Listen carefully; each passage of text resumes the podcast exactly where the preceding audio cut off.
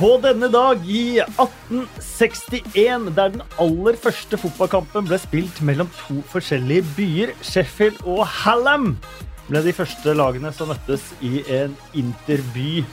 Eh. Hvordan den kampen gikk, får du google på nettet, for det aner jeg faktisk eh, Jeg starter på benken den dagen. ikke. Da var Erik på benken, var rett unna eh, debuten. Bobby Mims sto også for Hallam. Um, vi skal gjennom en utrolig hendelsesrik eh, runde og spør om det går an å få fire poeng for eh, seier. Kan man gå fra å være hatet til å bli en nasjonalhelt bare ved å gjemme en ball? Liverpool vinner, Man City vinner, Tottenham vinner. Men de dårligste nyhetene til dags dato angående Tottenhams nye stadion de kommer i løpet av neste drøye timen.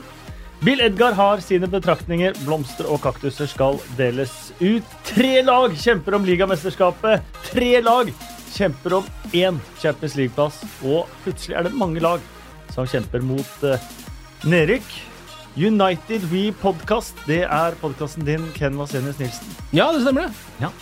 Og nå er du her. Nå er jeg her. Det er jo uh, Jeg tror ikke det går an for folk som ikke er Manchester United-supporter akkurat nå, å sette seg inn i skoene våre engang, fordi det er eh, Altså, jeg våkner hver dag og gliser og jubler nesten. eh, ikke bare fordi det er Solskjær som har tatt over, men den kontrasten til det som har vært, er så stor. Det kan jeg få bare skyte inn en Ja, liten jeg skal greie? ønske velkommen først. Erik Thorstvedt, tidligere landslagskeeper og Tottenham. Jo. Altså, jeg kjenner flere Manchester United-supportere, norske, som var skuffa når Ole Gunnar tok over. Ja. De forventa noe bedre. Mm. Dette var ikke det de hadde håpet på.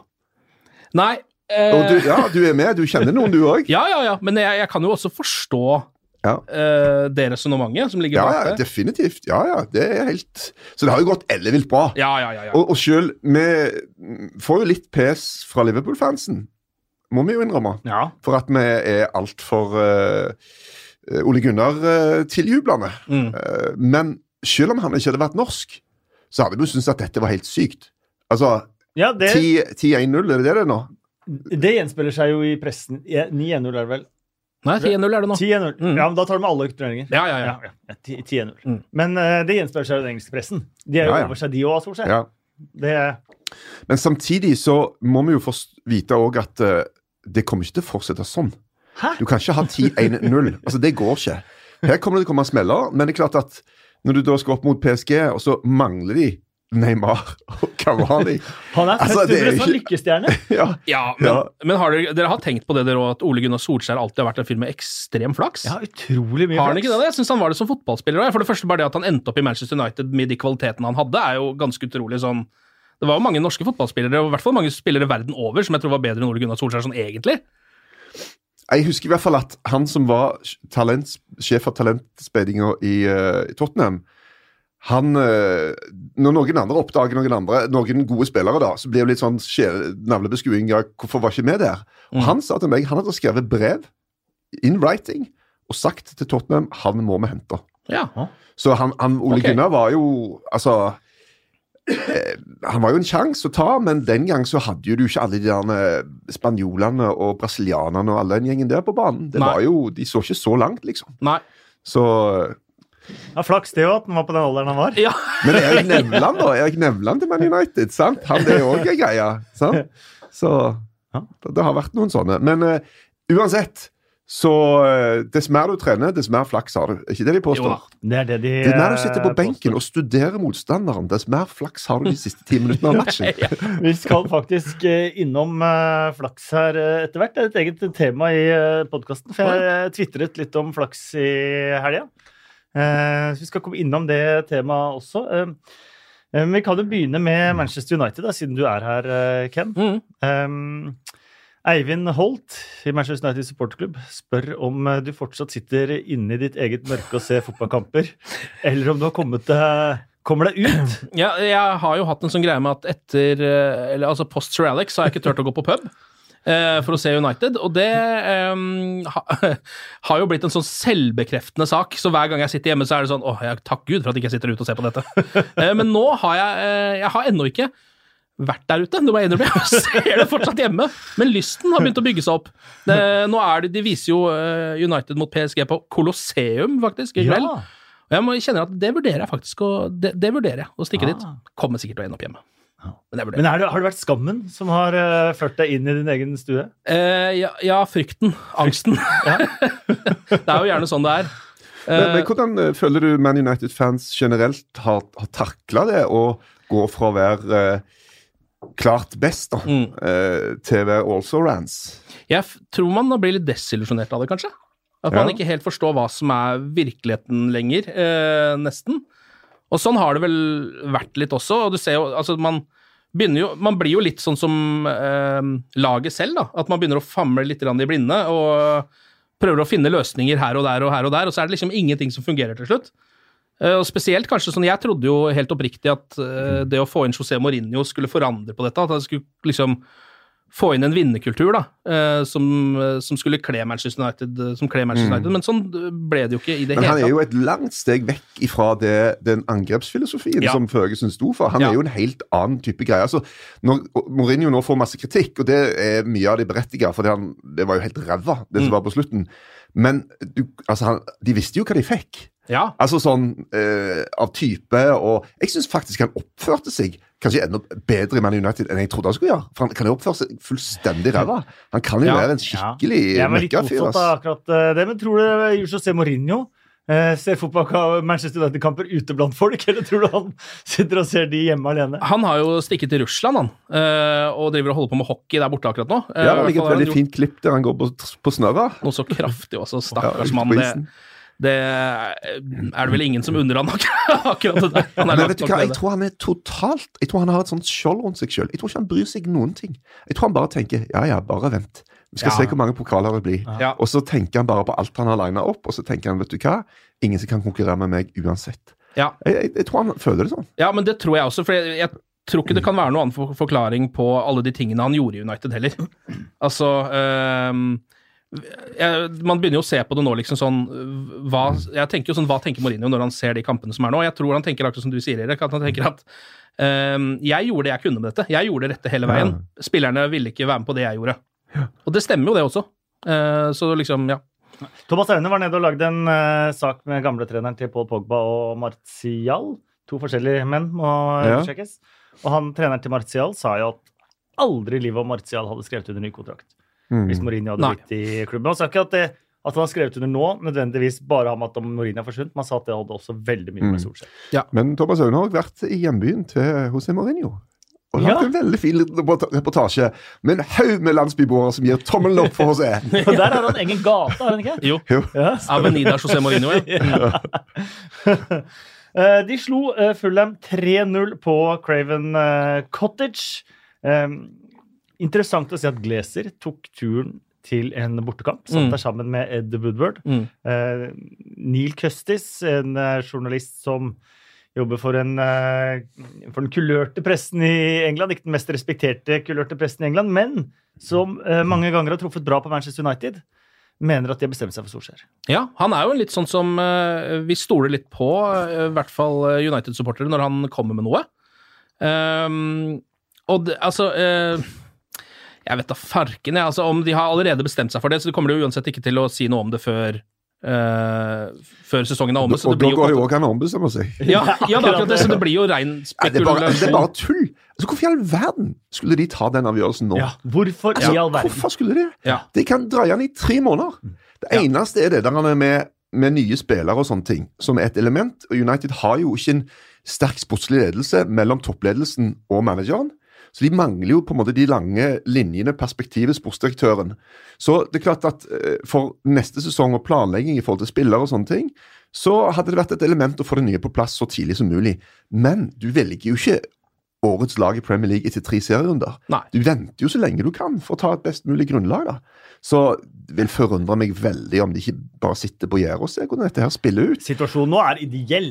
Ja. Det kunne ikke blitt bedre. Nei. De har truffet 100% så hvorfor rokke ved det? Ja, og jeg tror det må jo være veldig deilig også for Ole Gunnar Solskjær, tenker jeg da. At det er litt midlertidig. Det er litt sånn på en måte Um, Han trenger ikke å tenke de der lange banene ennå, på en måte. Jeg Og tror det det, trenger ikke spillerne heller. nei, jeg tror det er litt befriende. Da. ja. Mm.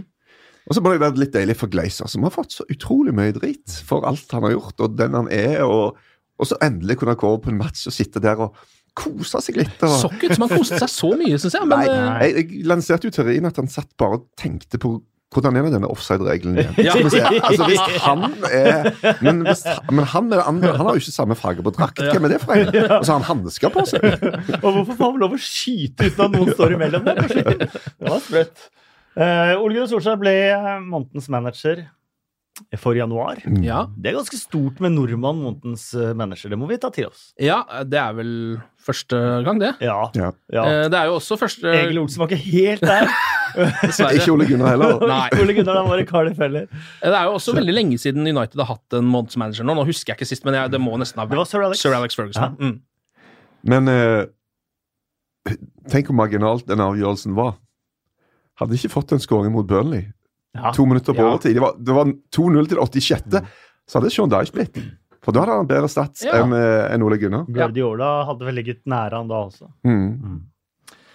Eh, Solskjær roterte laget. Han lyktes med det. Mm. Uh, de møtte PSG uh, i kveld, sånn som vi sitter nå på tirsdag formiddag. Uh, og jeg tenker den midtbanetrioen til Manchester United. De har så å si spilt alt. Ja, det. Eh, Andreas Pereira spilte én match. Eh, bortsett fra det så har de fått Det gikk ikke veldig bra. Det gikk ikke veldig bra. eh, men det har kanskje vært de tre viktigste spillerne til Solskjær, sånn som de har spilt også. Mm. Hvor lenge kan han holde på med det? Mener du at de har vært viktigere enn Rashford? Blant de viktigste. Du sa de viktigste. Nei. Så, ok, Hvor mange, kan, hvor mange er- kan være blant de viktigste? Nå er vi oppe i fire. Er det flere du vil ta med? De Gea? Er han, det, er han det er forskjellige elementer. Selvfølgelig De Gea. Ja. Midtbanetrioen som et element. Lindeløf må vi ta med. Selvfølgelig må han være med. Ja. Nå begynner vi å nærme oss en ikke- full elver som her. så- Ikke som et sånt element. Nå har nei. de, kranglet det. Ja, Ja. fair enough. Ja, men jeg Ok, da. enig, altså, La meg omformulere. Midtbanetrioen har vært viktig. Hvor lenge Ikke kan man drive, drive, drive rovdrift på de tre, og det fortsatt skal gå? Rovdrift. ja. De ser ut som de storkoser seg. Ja. De har det jo fint og kjekt. Ja, altså, Herrera har han jo rotert litt på. Matic har spilt alt. Ja. Han har vært der Og Pogba ute fikk hvile for andre. Han byt- byttet én gang tidligere. Ja, fikk hvile for... litt grann nå, 20 minutter eller hva det var. Um, så det, er- det er jo helt klart Nemanja Matic jeg er mest bekymra for, for han begynner jo, uh, som eh, jeg har hørt at Brede Hangeland kaller det, å bli leggy. Altså losing his legs uh, litt. Grann. Matic begynner å bli treig. Ehm, men eh, det er jo helt totalt avhengig av akkurat disse tre spillerne også. Da. Det er litt sånn som du var inne på, Kasper. fordi Med en gang du ser at de prøver å bytte ut en av dem, så er det akkurat som deler av puslespillet faller litt fra hverandre. altså. Andreas Det er det Pereira holder rett og slett ikke. Eh, Fellaini har de kvitta seg med. Uh, kunne jo vært uh, helt ålreit å hatt han der resten av sesongen.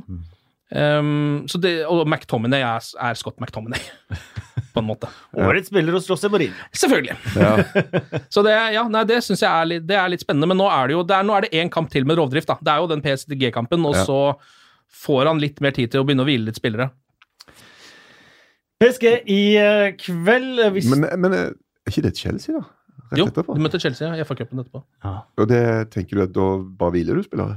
Nei, nei ikke, ikke da bare hviler man spillere, men jeg føler at den eh, PSG-kampen er den absolutt viktigste kampen i sesongen til nå, da. Jo da, men eh, det er jo snakk om eh, Ole Gunnar har jo sagt FA-cupen òg som et klart mål. Én pokal. Ja. Og Da blir det vanskelig, føler jeg, å rotere mot Chelsea i, ja, i FA-cupen. man må egentlig krige på alle fronter. Jeg har sagt Ja. at topp fire i ligaen, eh, og så enten FA-cuptrofé eller f.eks. semifinale i Champions League. Ja. Der er han sikra jobb. Jeg tenker at den Chelsea-matchen, den, er- den er tøff. For at Ja, Når ja. du går på trynet sånn som det der, det er sånne statistikker på når du taper med fem mål eller mer, så vinner du veldig ofte neste match. da. Ja. Det blir sånn rock bottom, så det blir en sånn bounce-greie. Men nå har de jo Malmö, da. Så jeg vet ikke hva lag de stiller med der.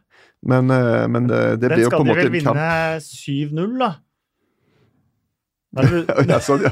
har de vunnet 3-0, tapt 4-0, Ja. vunnet 5-0, tapt 6-0. Ja. ja. Nei, det er et lite mysterium. Og Da blir det det 8-0 til Manchester United. der. ja. Så vinner de 9-0 neste match. Ja. Uh, vi må uh, snakke bitte litt om uh, Fulham òg. Uh, Fulham kom altså med et kjempemomentum opp til Premier League. De gikk 23 strake kamper på våren forrige sesong uten tap. Slo Aston Villa 1-0 eh, på Wembley. Og så eh, var det eh, sønnen til eieren, Tony Khan. Han bare tenkte nå skal jeg gjøre klubben en kjempetjeneste. Jeg kjøper spillere for en milliard. Ja. Um, og så å si ingen av de spillerne som uh, rykka opp laget, de spiller nå. Nei. Um, og uh, Jukanovic var jo klar på det. Han sa at uh, av alle spillere som henta, så er det bare Mitrovic jeg ville ha. Um, og Ryan Cézinho, som har takket nei til store klubber underveis til Premier League fordi han elsker Fulham, som han har vært i siden han var liten gutt, han får ikke spille. Nei. Det er, eh, Og nå ser avstanden lang ut. Ja, nei, de er nesten huket av, føler jeg. De og Huddersfield er gone. Og det er en eller annen sånn, sånn ganske Altså, lag som rykker opp fra championship, som er veldig possession-orienterte, da. Og hvis de, tror, de, hvis de tror at de skal på en måte bare følge den greia videre i, i Premier League, altså da sliter de. Det er nesten bedre å rykke opp som et litt sånn tight, defensivt, eh, godt. Ja, strukturert lag. Um, og heller prøve å få noen bedre spillere, men, for, men, men de som Fulham var sjanseløse. De møtte plutselig en helt annen type motstand. Og de, Wolverhampton har på mange måter greid det litt, da. Mm. Eh, men de var nok, eh, føler jeg, da, en god del bedre enn Fulham òg i Det utgangspunktet. altså. Men, hadde, men så, ja. hadde Fulham overlevd med det hvis de bare hadde kjøpt Mitrovic? Hadde de vært i en annen posisjon enn nå? Nei, jeg tror ikke det. altså. Altså, De har jo prøvd med Kearney, de har prøvd med Stefan Johansen. de har prøvd med, altså Noen av de greiene har jo vært utpå. Og det, det har jo ikke funka. Cézinor har jo ikke vært bra. Nei, men Han spilte i 17 ulike posisjoner Ja, også, ja. og fortsatt, Nei, 17 ulike. Hvilke det er? fortsatt Kantspiller, back, wing. Ja. Det er jo det samme omtrent Nei, det i Premier League. Og, men uansett, da, eh, så er, det, så er det snakk om en uh, veldig ung spiller fortsatt. Både Ja, ja. avhengig sikkert, Vi kjenner jo ikke psyken hans, man er avhengig av tillit, avhengig av Ja, ja, eh. Arbrunza, avhengig av å spille i én posisjon, f.eks. Det er mange faktorer som kan påvirke en ung talentfull spiller. Ja da, men det er klart at hans verdi på transfermarkedet er omtrent halvert. Ja. Mm. Jeg lurer på om det var noe i den der snobbekaffen din, Erik. Så vi krangler. Ja, men, Kom med sånn her kaffe med sånn krem og kanel på. Takka nei til kaffen. Kanelboller på toppen ligger bare der og dupper. Ja, men her må jo ikke bare sitte og jatte med hverandre, da. Nei, jeg er helt enig. Eh, det, ser, det ser ikke bra ut for, uh, for Fulham, det kan vi i hvert fall være enige om. Ja. Det kan vi være enige om. Og Det. jeg må bare få Men nå er Håvard Nordtveit på plass. Nå er Håvard Nordtveit på plass. og Det var også et litt annet poeng òg, for Brede Hangeland ble aldri eh, konsultert på noe som helst vis av Fulham i Mm. forbindelse med den overgangen. Er det litt rart? Ja, altså Siden han kjenner Håvard Nordtveit såpass godt. Kjenner? Håvard Nordtveit, kjenner Fulham. Mm. Ja. Ja, kanskje. Eh, Jeg synes jo, jeg må jo innrømme at jeg stusser litt over et kjøp av Håvard Notveit. Det er jo ikke et kjøp, det er et lån, da. Et lån, ja. Ja, så det, ja. Men, det er jo litt lettere. Det Eh, er litt lettere. Men etter det jeg så han forrige gang i Premier League, så det var ikke bra, altså. Nei, Nei, det det var men han var nok altså Der òg ble han hevet rundt i 100 ulike posisjoner, som eh, Kasper vil kalle det. Spesielt en del høyreback og hadde Det er klart For en ung spiller så er jo det ja, ja, så, så, Men mm, han er jo kjøpt som midtbanespiller, Ja. vil jeg tro. Det er jo det han har spilt i Bundesliga. Uh, norske landslaget spiller jo midtstopper. Ja. Men jeg vil tro at han er Og de har jo henta ganske heavy folk der allerede, til mye penger. Og de har til og med også henta Callum Chambers som stopper og satt han opp. Ja, Mm. sant? Så det er klart den er, Av og til så stusser du bitte litt. Hva tenker de rundt dette? Men det reflekterer nok litt hans posisjon i Hoffenheim òg, da. De lufter skikkelig ut i troppen. Syv mann blir sendt på lån ja. i Hoffenheim. Og han har, ikke, han har slitt bitte litt. Han var veldig bra i Borussia Mönchengladbach. Der spilte han jo langt over 100 kamper, og, og så har det vært litt uh, tyngre etterpå. Eh, han er en litt sånn Han er en veldig sympatisk fyr, syns jeg. Mm. Og så har han kanskje Premier Leagues nå vakreste øyne. Det òg, ja. Ja, Han har helt Ah, ja. fantastiske øyne. ja. Ja. Eh, Men jeg skjønner, de må jo ha eh, de, Den midtbaneposisjonen deres er jo litt sånn ekstra utsatt fordi de har han eh, eh, Sean Seri som Ja. spiller der, eh, som jo kom fra NIS. Han eh, har jo sliter jo med inngrodde tånegler. Mm. Så derfor så kan han, altså sliter han med å spille i vinterhalvåret sånn egentlig i det hele tatt, for det gjør såpass vondt for han. ja. Så det, det virker som de trenger litt backing der, bare for, fordi fra kamp til kamp så vet du ikke om han egentlig kan spille, da. Nei, Tæle i gresset, så, Ja, så sliter han. det er- Jeg må bare få si om Stefan Johansen at jeg så debuten hans mot Stoke på West Bromwich. Han var aldeles strålende. Oi, Ja, så Han bra. gjorde da. en kanonmatch. Ja. Slo frisparket som eh, endte i 1-0-skåringen og seier til eh, West Bromwich. Og fikk et eh, karakteristisk eh, gult kort også for å hindre en overgang. Som han skal. Mm. Men meget, meget god debut, altså. Ja. Vi fortsetter ferden videre til Etiad. Etihad Manchester City mot Chelsea 3-0. 5-0 ble det ikke, det ble 6-0. Eh, faktisk. Jeg har skrevet Det var jo 3-0 på et tidspunkt, da, Ja, det var Kasper, 3-0 det på tidspunkt, det var det. Det var ikke så lenge, faktisk, for fire goal rett etterpå. ja. Eh, Sergio Aguero med hat trick. eh, hans andre hat trick på rad på hjemmebane. Men vi må begynne med Chelsea. Uff. Hva skjer? Ja.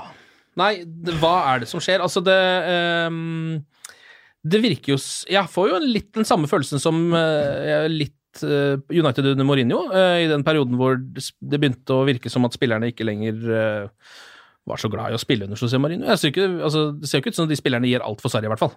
Um, hvis jeg hadde vært Chelsea-supporter, så hadde jeg vært lynforbanna på, på de elleve utpå der. Altså Det er det største tapet. Altså, da de de tapte 0-4 mot Bournemouth i forrige hjemme, bortekamp. Det var største tapet siden, i ligaen siden 97 eller et eller annet. Ja.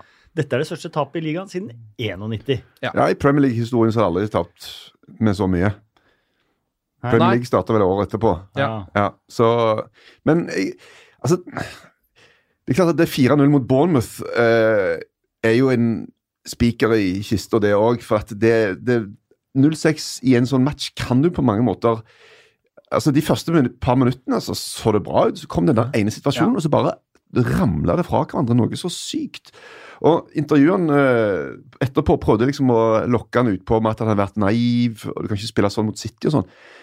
De var jo ikke, det var jo ikke det at de ikke hadde At de bare gikk hodeløst i angrep. De hadde nok folk tilbake. Det var bare de eh, ti mannene som lå inne i boksen, ikke greide å gjøre en dritt. Mm. Altså Du blir passifisert, alle blir dratt mot ballfører. Det er liksom sånne mekanismer som kicker inn. da. Så eh, nå de, har de, de Chelsea har, vært, de har blitt et ræva dårlig bortelag. ja. De er jo ikke så verst hjemme. Nei. Men borte er de helt grusomme. Og det er liksom Chelsea, Det er jo ikke DNA-en deres. Vi snakker om Man United sin DNA. Mm. Men Chelsea sin er jo å være litt sånn vanskelig å bryte ned og litt gnirende. og sant? En, en tøff gjeng. og, og du høvler ikke over Chelsea med det første, liksom. Men nå gjør du det. Mm. Eden Hazard, og se han ut på der, da. eh, Og jeg tenker Edna Hazard er sånn typisk sånn fotballspiller som var, han var best på lag da de var fire år. Og sikkert spilte på det beste laget da han var ti år. Jeg er litt usikker på om han har tapt 6-0 i karrieren sin, jeg. Ja, det, Siden han var født. det er ikke sikkert han har. Det er ikke Nei. sikkert han har. Nei, det kan godt være det største tap. Og så er det sånn Ja, nei, det, det var så mange greier der, da. Altså Men Sarri sa, tok jo fram dette med presspillet. Altså, presspillet er jo totalt forskjellig for de to lagene. Så sitter de bare altså, de, de er som en ulveflokk, altså. Bare helt sykt. Og så skal Chelsea prøve på det samme, og så blir det bare sånn halvveis. Og når et halvveis tøft presspill, det er ræva, det. Det er, det er veldig Det er problematisk, altså. Så Men, men det å, å gi han fyken nå, tenker jeg er Altså, Nå må de roe seg bitte litt. Nå har de viktige kamper som kommer, og det går an å slå tilbake, altså. Så jeg tror det der Jeg tror vi kommer til å få se Vi kan ikke få se et dårligere Chelsea, i hvert fall. Men det må jo bli bedre. Og Ja. jeg, tror, eh, jeg tror ikke United skal føle seg så veldig sikre i denne eh, FA Cup-matchen. Altså. Nei, det vil jo komme en reaksjon, men jeg bare Ja. tenker sånn, nå har, jo, nå har jo allerede eh, Sarri vært ute og sagt eh, at spillerne ikke gir han det han vil ha. Det har han sagt til Vanskelig å motivere. Er vanskelig å motivere. Han, eh, han har Først så skyldte han på spillerne, på en måte, og så tok han tilbake med å bare jeg, Det er jeg, min skyld, for jeg klarer ikke å motivere dem. Men det er jo en fallitterklæring, liksom. Eh, og så kom det en slags reaksjon. Eh, de fikk en eh, seier inn, og så er det bare helt bånn i bøtta igjen. Jo, men jeg, jeg, jeg, jeg liker han så godt, da. Jeg greier ja, ikke å få alle. meg til å synes at han Måten han sto fram etter matchen, det intervjuet, og, og det syns jeg bare var eh, Så, så jeg, jeg tror ikke at han er mislikt av spillerne. Det tror jeg ikke. Rett og Nei. slett. Jeg tror de kan ha problemer med å få til fotballen. Jeg tror det er mye, mye tøffere for han i England enn det var i Italia å spille den type fotball. Eh, de som går i strupen på dem, de gjør det så bra at de han sliter med å forsvare seg mot dem. Og de lagene som han prøver å lokke ut med Sarriball, masse eintouch, Jorginho, og så skal de på en måte trekke dem ut, og så skal de finne rom andre steder, de gjør jo ikke det. De lagene som legger seg bak, de ligger bak. Altså Spiller du mot Brighton, så spiller du mot ti mann baki der. Sånn er det. Så jeg tror han Fotballmessig så er det utfordringer. Andre lag har funnet ut av Jorginho. Eh, Nå har han henta Higuain i tillegg, og da øker jo presset på han sjøl, for da har han henta to som er sine folk, liksom. Og Hvis du da ikke lykkes heller, så er det liksom det på toppen av alt, da. Så eh, akkurat Men det er akkurat det. Jorginho-greiene. Det, det klarer jeg ikke å bli klok på. For det, Det var vel Everton første gang på Stamford Bridge, som bare satte to mann Ja. foran og bak uh, Jorginho. Ja. Uh, helt borte. Han hadde jo flere pasninger fram til det aleine enn hele Premier League til sammen, omtrent. Ja. Eh, og etter det så har alle bare gjort det, og det er ingen Ingen sånn tegn på å forandre noe som helst fra, fra Sarri. Og så har du Kanté-greia, eh, hvor Kanté spiller indreløper, som han er en helt ok god indreløper. Mm. Fra å være da kanskje verdens beste anker, Ja. eh, verdensmester i den posisjonen, to ganger ligamester med to forskjellige klubber i den posisjonen. Eh, no, må han gjøre noe, eller må han bare stå liksom eh, gå ned med båten på brua der? Akkurat det med Kanté har jeg jo reagert på flere ganger, for man ser det jo hvis man følger eh, Chelsea en kamp, så ser man jo at han får veldig mange av de avgjørende situasjonene havner han i, da, rundt 16-meteren, fordi han løper såpass mye, får jo ballen hele tiden. Han har jo prøvd å eh, gjøre han til Allan. Altså Mhm. Allan som Napoli-brassen, som jo er en offensivt mye bedre spiller og en ganske god dribler. Eh, det er jo ikke Kanté. Så jeg synes det der er, det synes jeg faktisk er litt merkelig. da, at han, Og det virker som han der er det ing, han har ikke eh, Det virker ikke som han engang vurderer å gå tilbake på det. Ja, men han har ikke han, han, det, er- det er hans fotball. Jeg tror ikke han Han har ikke så mange andre alternativ. jeg kunne sikkert kommet til et lag og sagt at dette er min fotball, så hadde jeg tapt 22 kamper på rad. Sagt dette er min fotball. Ja, men han gjorde jo ikke det. Det gikk jo veldig bra i Ja, men det skulle ikke bli bra Sant. før etter tre Så, måneder. men, Det eh, litt men, men det der med, med altså, Kanté og Jorginho er to veldig veldig ulike fotballspillere. Og kan ikke, Du kan ikke bare plutselig sette Kanté i den rollen. Nei, nei, med- ikke som ballfordelerrollen. Sant? Du, må, du må gjøre ja. endringer der, absolutt. Men det er et spørsmål man Men jeg er i hvert fall helt overbevist om Nå hiver jeg inn uh, ny skiftenøkkel inn i maskineriet. Assad spiller ikke for Chelsea neste sesong. Nei, er Jeg er helt sikker på at han er til Iran Madrid. Ja. Det dukker opp et intervju nå med en fransk radiostasjon. Det er to måneder gammelt, men der sier han jeg har bestemt meg. Mm. Og Sarri har jo sagt at hvis han vil gå, så får han gå. Og kanskje for Chelsea så er det faktisk bedre å ta en milliard kroner. Mm. Fordi Assad er heller ikke en Sarri-spiller. Sarri vil jo ha masse én touch, han vil ha masse pasning. Eh, Han, er en- han sier jo han er individualist. Mm. Og han passer egentlig ikke inn i systemet til Sarri. Uh, og, og jeg elsker Assad som spiller og som type. Jeg syns det er litt kult at det er folk som er så avslappa og liksom smiler og ser ikke ut som han har eh, all verdens sorg- sorger. eh, liksom, plager liksom ikke å gå utpå der og med mye press, da. Eh, men jeg tror han eh, er gone. Ja. Men det ville, bare, det, ville jo det ville, jo være en liten katastrofe for Chelsea, tror jeg også. fordi eh, Hvis poenget er at Sarri skal være der i fem år, så forstår jeg det, men det tror jeg heller ikke kommer til å skje. Nei, det er det som For det er jo. Chelsea, dette her. Ja. Manchester City, eh, vi kan ikke unngå de. 6-0-seier. De har skåret 120 mål denne sesongen. Vi har eh, snakket om vi snakket om etter Liverpool-kampen. Den kom vi til da de slo Bournemouth 3-0. At de burde ha skåra et par til, for dette kan avgjøres på målforskjell. Ja. Eh, drepte Er det 120? Nå skal jeg kverulere igjen. Du er sikker på ikke 119? Jeg er ikke sikker på det når du sier det. nei, for det var jo en, det var jo eh, en fantastisk eh, en fantastisk eh, tweet som kom ut før helga. Det står at eh, Manchester City har nå skåra 100 mål mer enn Huddersfield denne sesongen. Huddersfield hadde skåra 13, Man City hadde skåra 113. Og da var det jo en Huddersfield-fan som kontra, da.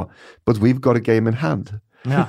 Eh, og det stemmer jo faktisk, Ja, for i, i kampen mot Arsenal så skåra K- Kolasinac selvmål 3,5 minutter på overtid, som gjorde at uh, Huddersfield kom opp i 14, da. Ja. Så Nei, ja, men vi får, si, eh, vi får si at begge deler er ganske imponerende. ja, det kan vi si, altså. Men det er jo nesten òg sykt når du tenker på Huddersfield. Og da regner vi med både ligacup og FA-cup, Ja. der de røyk mot 2-0 mot Stoke og 1-0 mot Bristol City eller noe sånt.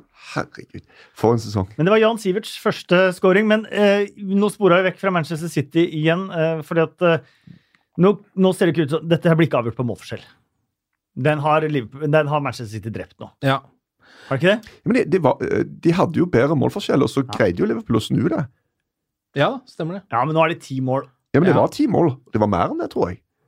Når Liverpool, eh, Og så gikk vi tilbake igjen. Men da hadde, Så- jo, ja, da hadde jo City på en måte sin eh, lille smellperiode Ja, der. Ja, Tapte tre av fire kamper. Ja. Det er ikke sikkert det kommer til å skje igjen, det tror jeg kanskje ikke. Nei, det tror ikke jeg heller. Men Men, det, det er, er jo- mulig, da. Ja. Ja. Men da vinner jo Liverpool uten målforskjell, da. Hvis du skjønner? Da vinner de jo på poeng. Hvis. Hvis de tar igjen denne målforskjellen. Ja, ja, ja. Det, er- men, men altså, begge de lagene har jo potensial til å kunne skåre fire mål i tre matcher på rad. Så Manchester City fikk ikke fire poeng mot uh, Chelsea, er det du sier? Nei, altså, men jeg tror det bor mer la mål i City enn å gjøre i Liverpool. Ja, Egentlig er det selv med den tenker, ikke angrepsrekka til Liverpool, så Jeg tenker jo sånn, Det må jo være helt merkelig for City og for fansen deres og for Pep Guardiola å sitte og se på måten de spiller fotball på, og hvordan de har framstått i de siste kampene, og egentlig på en måte gjennom sesongen, for man glemmer litt de der små smellene de har gått på. Mm. Og allikevel så leder de ikke ligaen. Nei, det er sjukt. Det er, jeg syns det er litt småmerkelig. Men de har en, en svakhet. Eller de har helt sikkert flere hvis du begynner å grave, men, men City er så gode. De er så suverene. De er så vant med at de alt på en måte, de bare høvler over.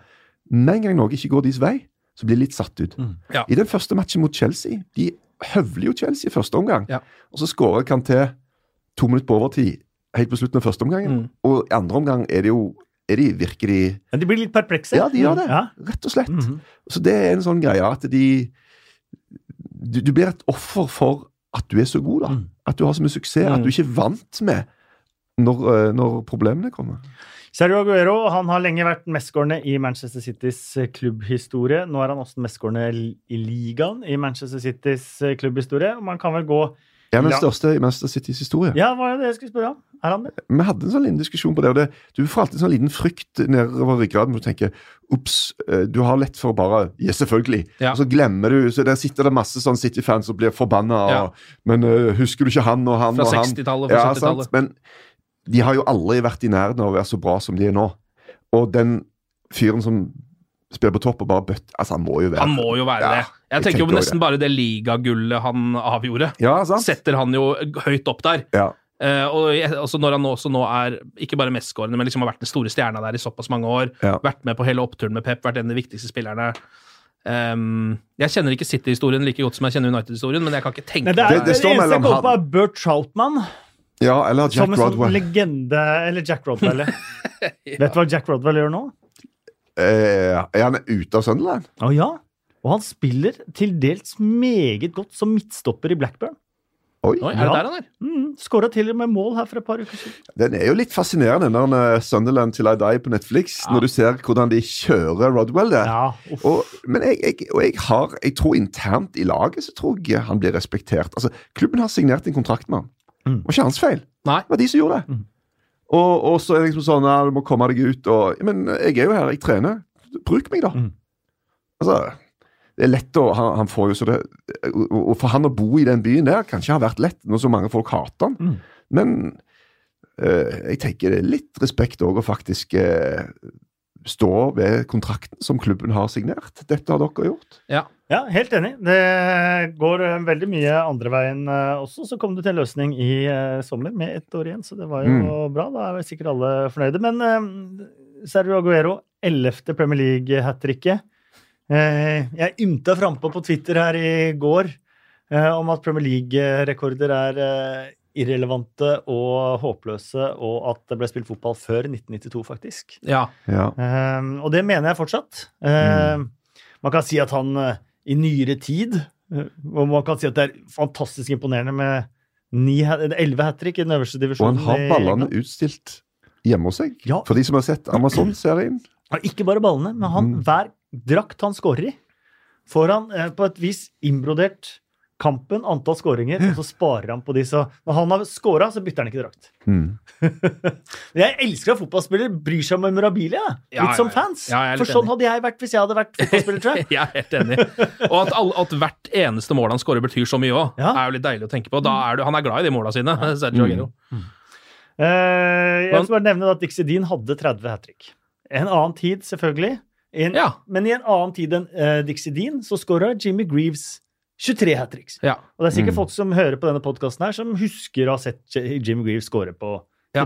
Så det er litt nærere tid. Mm. Jeg mener det blir rart å stryke Ja, Man har ikke gjort det i Serie A eller Bundesliga eller Liga eller noe sted. Og man har ikke gjort det i VM. Man har liksom ikke sagt at Fonteins 13 mål Nei. Eh, De får vi bare glemme. Eller Pelé og Gerd Müller, få det bort. Ja. Vi starter VM-historien 1990. Det ville vært veldig rart, det er òg. enig. Det er jo et eh, slags sponset navneskifte, Mm. bare, som gjør Ja, at de har ja. bytta navn. Eh, Det er jo ikke noe annet. Nei. Historien er jo fortsatt der. Ja. Jeg husker eh, når denne, dette byttet skjedde, da. eh, med klubben liksom tok oss inn og snakket med oss, og dette betyr ingenting, dette er bare rent formelt. eh, Kontraktene fortsetter, det kommer ikke til å bli noen forskjell. Så Ja. eh, for oss var det bare sånn eh, Jeg må av og til liksom tippeligaen til spørre Jeg var der jo, liksom. men liksom må spørre sånn Når var det egentlig det ble Premier League? For det var ikke noe big deal, liksom. Nei. Brian Dean skårer tidenes første mål i Premier League. Ja. Og jeg var, jeg var tiden, den første som uh, ble bytta inn i Premier League. Er det det? Ja. Første innbytteren i Premier League. Oi. Men er ikke du også, Var ikke du også på coveret av det første Fifa-spillet? ja, jeg er på Fifa 95, men Ja. jeg tror det er noe som heter Fifa 94. Ja, det altså. tror jeg også. Ja, det er det, ja. For det var i hvert fall Så- NHL 94, som de har fulgt hverandre. Mm. Så Ja. jeg husker jeg spilte NHL 94 som het NHL PA. Ja. Ja, det kan stemme, det. Jeg bare Men, eh, husker veldig godt det der ja, ja, jeg eh, ikoniske Grisegodt godt betalt, altså. Ja, EA Sports kom, ja. Null kroner. Null pund. Null. Ja, ja, ja. Nå spiller jo til og med dommerne med IS Sports på armen. ser jeg. Oh, ja, Ja. ok. Det er ikke som Cristiano Ronaldo som er på coveret nå. eh, Får nok klekkelig betalt og får også bedre Fifa-rating. Tenk Fordi tenk deg at du gikk opp stien for Cristiano Ronaldo. Ja, ja. Nei, men det, det, akkurat det bildet som er brukt, er brukt mange plasser. Det var faktisk offisiell poster for Barcelona-OL. Barcelona-OL, ja. Ja, for da hadde, da hadde det vært liksom ett bilde som var for hver idrett, og da var det fotballposteren, liksom, for Ja. Barcelona-OL. Av bilde av deg? Ja, akkurat samme bildet som var på coveret. da. Ja. Det Det er er et en ganske bra sånn, sånn klassisk keeperbilde der du Ja, det, slenger det deg. er- Å, du slang deg, ja. Det, var, det var ikke den. Nei, jeg, altså vanligvis skal du stå der ballen kommer, men så jeg var, jeg var ikke helt i form den dagen. Så jeg måtte, måtte, måtte kaste meg. Um, Kan du også nevne at det var så vidt Agero fikk med seg den ballen denne gangen, da. Uh, ja, og det var det jeg også skulle For nå har vi altså gått rundt i Det føles ut som 10-20 år og hata Mike Dean. Alle har ikke hatt Det er ingen som hadde et pent ord å si om Mike Dean. Og han har vært så fæl, og han har holdt med det og det laget, og han er umulig å snakke med, og han er arrogant, og han dømmer dårlig. Og det har ikke vært måte på hvor kjip Mike Dean har vært. Én match, så er tweetene 'Vi lever i Mike Deans verden'. Vi skal være takknemlige for det. Ja. Ja, jeg må innrømme at jeg begynte å få litt sansen for Mike Dean da han eh, altså, eh, relegerte seg selv. Altså satte seg selv ned i en divisjon, husker du det? For han hadde dømt, så var en periode hvor han hadde dømt såpass dårlig, så var han jo fortsatt dommersjef. Så han satte seg selv ned for å dømme i championship i noen kamper. Ja. Eh, som jeg syns var utrolig fascinerende. Og så kom han jo tilbake igjen, da. Eh, og etter det så har det jo bare gått én vei med for Mike Deans popularitet, virker det som. Ja, Jeg syns jo det med ballen var kult, men det var enda kulere når han blåste straff. Ja, ja, Altså, Selvfølgelig. Eh, det var jo kjempekult. Alt det var kjempekult. Men eh, var, det, var dette hans gjennombrudd som et ikon? jeg, jeg, jeg tror at det var hans uh, absolutte topp. Altså, herfra er det bare én vei. Rett tilbake til der han kom fra. Ja, han har jo, det er jo noen ting Jeg husker også den Jeg husker ikke hvilken sesong det var, men det er et par sesonger siden hvor han begynte, faktisk begynte å dømme på holding. Husker du det? Altså begynte å dømme straffe på all Ja. holding. Ja, ja. Og da var det en ti kamper på rad, hvor, eller sikkert ikke så mange, men fem, da, hvor han faktisk Mot dømte Stoke-matchen der var det Manchester United. det. Ja, Hvor to-tre straffer ja, der. Og, ja. masse straffer. Altså Alt som var av holding, blåste han bare på. Og det er jo noe vi, det sitter vi jo hver gang vi ser på kamp, så sier vi jo det. Hvorfor begynner du ikke bare å gjøre det? ja. Og han gjorde det, men han fikk såpass mye kjeft at han ble hata igjen. han Ja, var alene om å gjøre det. Ja, jeg det husker jo. Svein Erik Edvardsen også holdt på sånn i Ja. Eliteserien som den eneste av dommerne. Men da hadde det sikkert vært tatt opp i et dommermøte. Nå skal vi begynne å gjøre det, tror du ikke det? Så var det bare han som hadde ballene til å gjøre det. Eller så var det tatt opp i et dommermøte, nå skal vi begynne å gjøre det, men vi må være konsekvente Ja. og finne en linje på det. Og Ja. så sitter det masse andre dommere og river seg i håret og bare åh, han ødelegger for alle. Ja, det kan hende. Hvem vet? Ja, hvem vet. Eh, Men nå er vi så heldige at vi får leve i Mark Deans verden. Det er en fantastisk tid. En ekte bygdeoriginal. Han er jo det. Han, er en slags bygdeoriginal utpå der. Hvor er han fra? Nei, det vet jeg ikke. Nei. Fra bygda? Ja. Fra bygda. Fra bygda. Sandnes. Fra Sandnes. Jæren. Liverpool de eh, slo tilbake. De vant 3-0 mot eh, Bournemouth. To Mm. uavgjorte kamper, og det ble hvisket og tisket om press og krise. Jeg minner altså om at Liverpool har tapt én kamp i Ja. ligaen Mm. denne sesongen. Eh, Ja. Det er imponerende. Den kom borte mot Manchester City. Um, Men her kommer vi inn på dette som var flaks, da. Mm. Um, jeg har et par, par tweeter om det, egentlig. For at eh, Sadio Mané var marginalt i offside. Ja. Det står Mm. jeg på også, hvis dere har sett stillbildene. Um, Men det var jo med armen der, og det var ja, litt sånn ja, okay. Men om man, ikke så lett ikke å hadde, se. om man Ja. ikke hadde vært offside òg, Mm. men hadde vært helt på linja, så begge deler så er det litt flaks, og det er i hvert fall heldig i hvert fall da, at uh, linjedommer ikke vinker på den. Mm.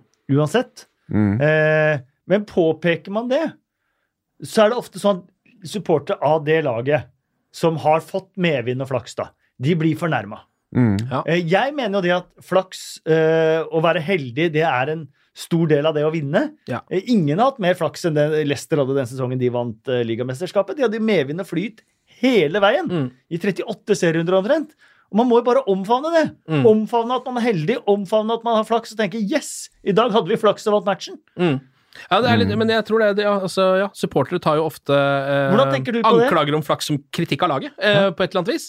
Nei, eh, altså, Som Manchester United-supporter så har Har jeg omfavna flaksen for lengst. flaks. Ja, er du gæren? Ja. Eh, det har jeg omfavna for lengst. Eh, og, synes, og det er litt rart å ikke Eller sånn, jeg føler at man eh, lever i en litt sånn propagandaverden hvis man prøver å se bort ifra de tingene man faktisk ser med det blotte øyet, da. at det liksom Altså for, for min del, jeg trenger ikke å forsvare en dommeravgjørelse, selv om Manchester United vinner. Det føler jeg ikke at er min oppgave i det hele tatt. da. Det er liksom bare sånn, ja, Takk for det. Eh, glimrende tre poeng, liksom. Um, så jeg syns det er litt rart å bli så sur på noen som påpeker at Ja, Man kan bli sint for det motsatte. ja, Man kan bli ja, ja, ja, ja. kjempeirritert om Mané får det målet annullert. Absolutt. Mm. Da har man grunn til å være irritert. Absolutt. Jeg synes det var litt sånn, For Sarri ble jo øh, liksom, I hausingen før det Man City-Chelsea så ble jo Sarri liksom Ja, men dere slo de første matcher på Stamford Bridge og sånn. We were lucky. Ja. Og det er litt sånn Jeg syns det er litt kult, det, Ja. når, de, når de kan innrømme det. Mm. Og øh, jeg, Altså, flaks Når det gjelder sånn i, i analyse-statsverden så er det det mest kontroversielle ordet som fins. For hva er flaks, og hva er dyktighet? Mm. Det er enormt vanskelig å vite hvor er denne greia. Og du kan si at ok, noe som vil være vanskelig å gjenskape, noe som sannsynligvis ikke kommer til å skje på samme vis over tid, er jo litt flaks. Ja. Sant? Uh, og uh, Joshua King ble jo dritsure når jeg brukte ordet flaks. Og da hadde vi jo sittet mange timer og skrytt av han. Mm. Uh, og så kom det ene året.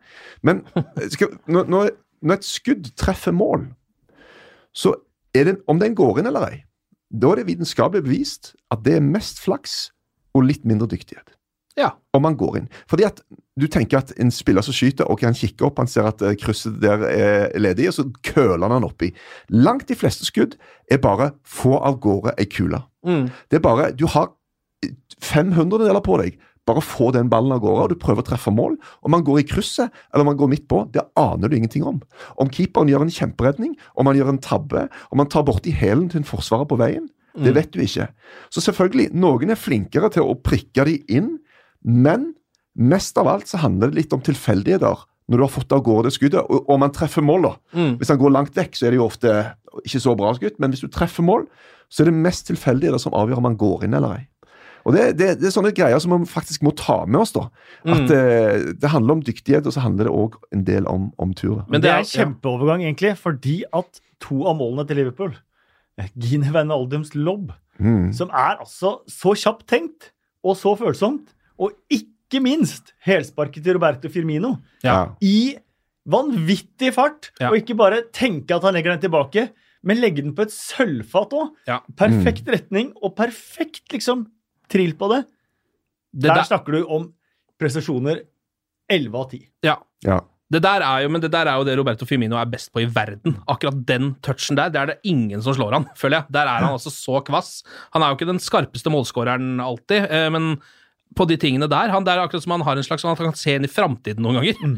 Virker som med de der eh, små touchene sine. Uh, Men det er jo et eller annet med um, Når vi er, liksom, snakker om den flakstingen, da, så er det Jeg satt og så uh, City-matchen mot uh, Chelsea, og der skårer jo Aguero et nydelig mål hvor han køler ballen i krysset fra rundt 16-17 meter. Og det, jeg vet ikke om det var du, Erik, som snakka om at der er det egentlig en expected goals eh, eh, frequency, eller hva man kaller Ja. det, på noe sånt som 2,1, eller Ja, ja. veldig lavt, da. Veldig lavt. Og da ble jeg jo ble, da ble, jeg- faen, da ble jeg litt irritert. Er sånn, Du skal ikke kødde med det der. Det der er liksom, skjønner du? Det der er, Han køler den i krysset, liksom. Ja. Eh, men det sier jo alt om fotballen. Altså, Flaks er en såpass Ja. Eh, Flaks er undervurdert. er så- Men det var jo bare for å skape en kontrast mot den syke missen han hadde. Ja. Bare for å vise XG der var på 99 eller noe? eller? Ja. Nei, han, han er alt, du, Av og til blir du sånn sjokka over hvor lav denne sabla XG-en er. Den der er feil. Han var på 40 et eller Å, ja. annet. Og den er På for- åpen den- mål? Ja, ja, Ja. den er altfor lav. Ja. Så, og det går på at det er jo datastyrt, dette her. Det er jo liksom artificial intelligence, big data-greier. og Så, det- så, så han tar ikke alltid hensyn til alle faktorer. Så selvfølgelig Aguero, at han scorer der, er jo nesten større enn et straffespark, Ja. vil jeg påstå. Oh ja, mye større. Så, men uh, det målet der var jo uh, veldig likt det som Higuain hadde ja. i runden før. Mm. Så disse argentinske spissene de vet hva de holder på med. De vet hva de holder på med. De gjorde Liverpool uh, også, og nå tok de endelig ikke bare fløt angrepstrioen. Gini Aldum tilbake var strålende. Nabi Keita, ny, meget god kamp. Eh, og Anfield-publikummet eh, har vært litt sånn det har vært, Nervøsiteten har nok. kommet til syne på Anfield. da. Mm. Eh, kampprogrammet var veldig interessant å lese sånn sett. Klopp brukte halvparten av sine notater bare på å snakke om eh, fansen. Jordan Henderson brukte nok tre fjerdedeler av sine notater i programmet til å snakke om fansen og hvor viktig det var med fansen. Men begge to også understreket at vi har ikke krav på at dere skal være fantastiske. Vi må levere på matta og Ja. håper at vi får med oss dere Mm. eh, på tribunen. Og det gjorde de virkelig. De eh, hadde en aksjon hvor de skulle komme tidlig for å sette ramme og stemning og atmosfære. Eh, Og jeg føler hele Liverpool ut av stadion med litt mer senka skuldre. Mm. Mm. Ja, nei, Sånn sett er det en perfekt match, og så var det en perfekt motstander å få. da. Mm. Nå har Bournemouth tapt åtte bortekamper på rad med to mål eller mer. Ja. og det er jo ny rekord. Mm. Så eh, Ja, det er et eller annet med det laget der som er lett å elske, og av og til er de fantastiske. Men eh, de slipper inn for mye mål, det er for lett å skåre på. Men oss. det du vet med Eddie Howe, det er at han viker ikke en tomme fra sine prinsipper. Nei. Uansett hvor mange tap på rad de skulle gå. Men litt press på ballfør hadde vært gøy av og til. da. Av og til så kunne Ja. det vært uh, fint og, Men- også. Men jeg synes uh, altså, man blir litt blind på det innimellom, for nå har vi jo sett Liverpool hele denne sesongen vært glimrende. Eh, tapt én kamp, som du sier. Eh, Fjorårssesongen var de også glimrende store deler av sesongen. Glemmer man kanskje Jeg, er sånn, jeg har i hvert fall en tendens til å glemme litt sånn, hvilke spillere de egentlig har utpå der. Altså Hva slags jobb Jørgen Klopp har gjort Mm. med dette laget. Mm. Det er liksom altså uh, Roberto Firmino, en Hoffenheim-spiller som ingen egentlig Han var ikke på radaren til noen toppklubber, han. Mohammed Salah var egentlig ikke det, han heller. Nei. Uh, Vinaldum kom fra Newcastle. Altså hele det laget Milner spiller. Robertsen fra Hull. Robertsen, ja, ja. Uh, he, he- hele det laget der, kanskje bortsett fra Van Dijk, som jeg var litt sånn et, veldig ettertrakta da, og keeperen. Mm. Så er det liksom Han har satt sammen noe her som eh, jeg ikke helt ser for meg at det er så mange andre managere som hadde klart å sette sammen. altså. Til og med Mané var jeg sånn at eh, Gjerne jeg som bare var dum, men jeg eh, tenkte heller ikke at han var sånn når han var i Southampton, at han, her har du en mann for uh, et av de store lagene. Nei, Nei. det, altså. Nei, men gjorde ikke det.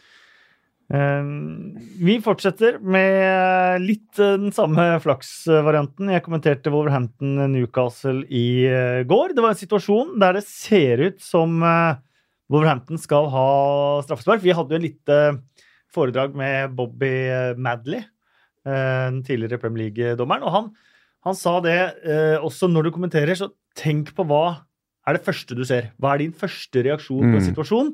Det er det dommeren må forholde seg til. Eh, For meg så så det ut som det var straffespark. Eh, Se på reprisen at han ja, han er først på ball, det er ikke straffespark. Eh, Men sa at den har man sett har blitt blåst for før, og at eh, Newcastle heldig Mm. som ikke blir blåst mot. Og da spør lord Denim eh, på Twitter kan man anse seg som heldig når man får en avgjørelse som er riktig med seg av dommer. Jeg det Mm. vil egentlig konkludere med ja. Det var egentlig min tanke Ja. da jeg kommenterte det. At man kan jo det. Ja. Ja, ja, absolutt. Hvis det er uh, noe som er et, uh, utrolig vanskelig å se. Man, Ja. hvor man tenker sånn at av ti ganger så hadde dette kanskje blitt dømt straffe tre ganger. Ja. Så må man jo nesten anse seg som heldig, da. ja. Ja, særlig med, ass- eller ofte, veldig ofte med assistentdommer eller linjemenn. At en tenker 'dæven, det var bra sett'. Ja. Wow! Ja. Det er så Ja. marginalt at Aha, fikk han med seg det? Det er bra, ass. Så ja, jeg er tilbøyelig til å være enig med deg, Kasper, på at uh, det faktisk eh, That's how it is. Ja. De hadde ikke så flaks med dommeravgjørelsen da Wolverhampton utligna.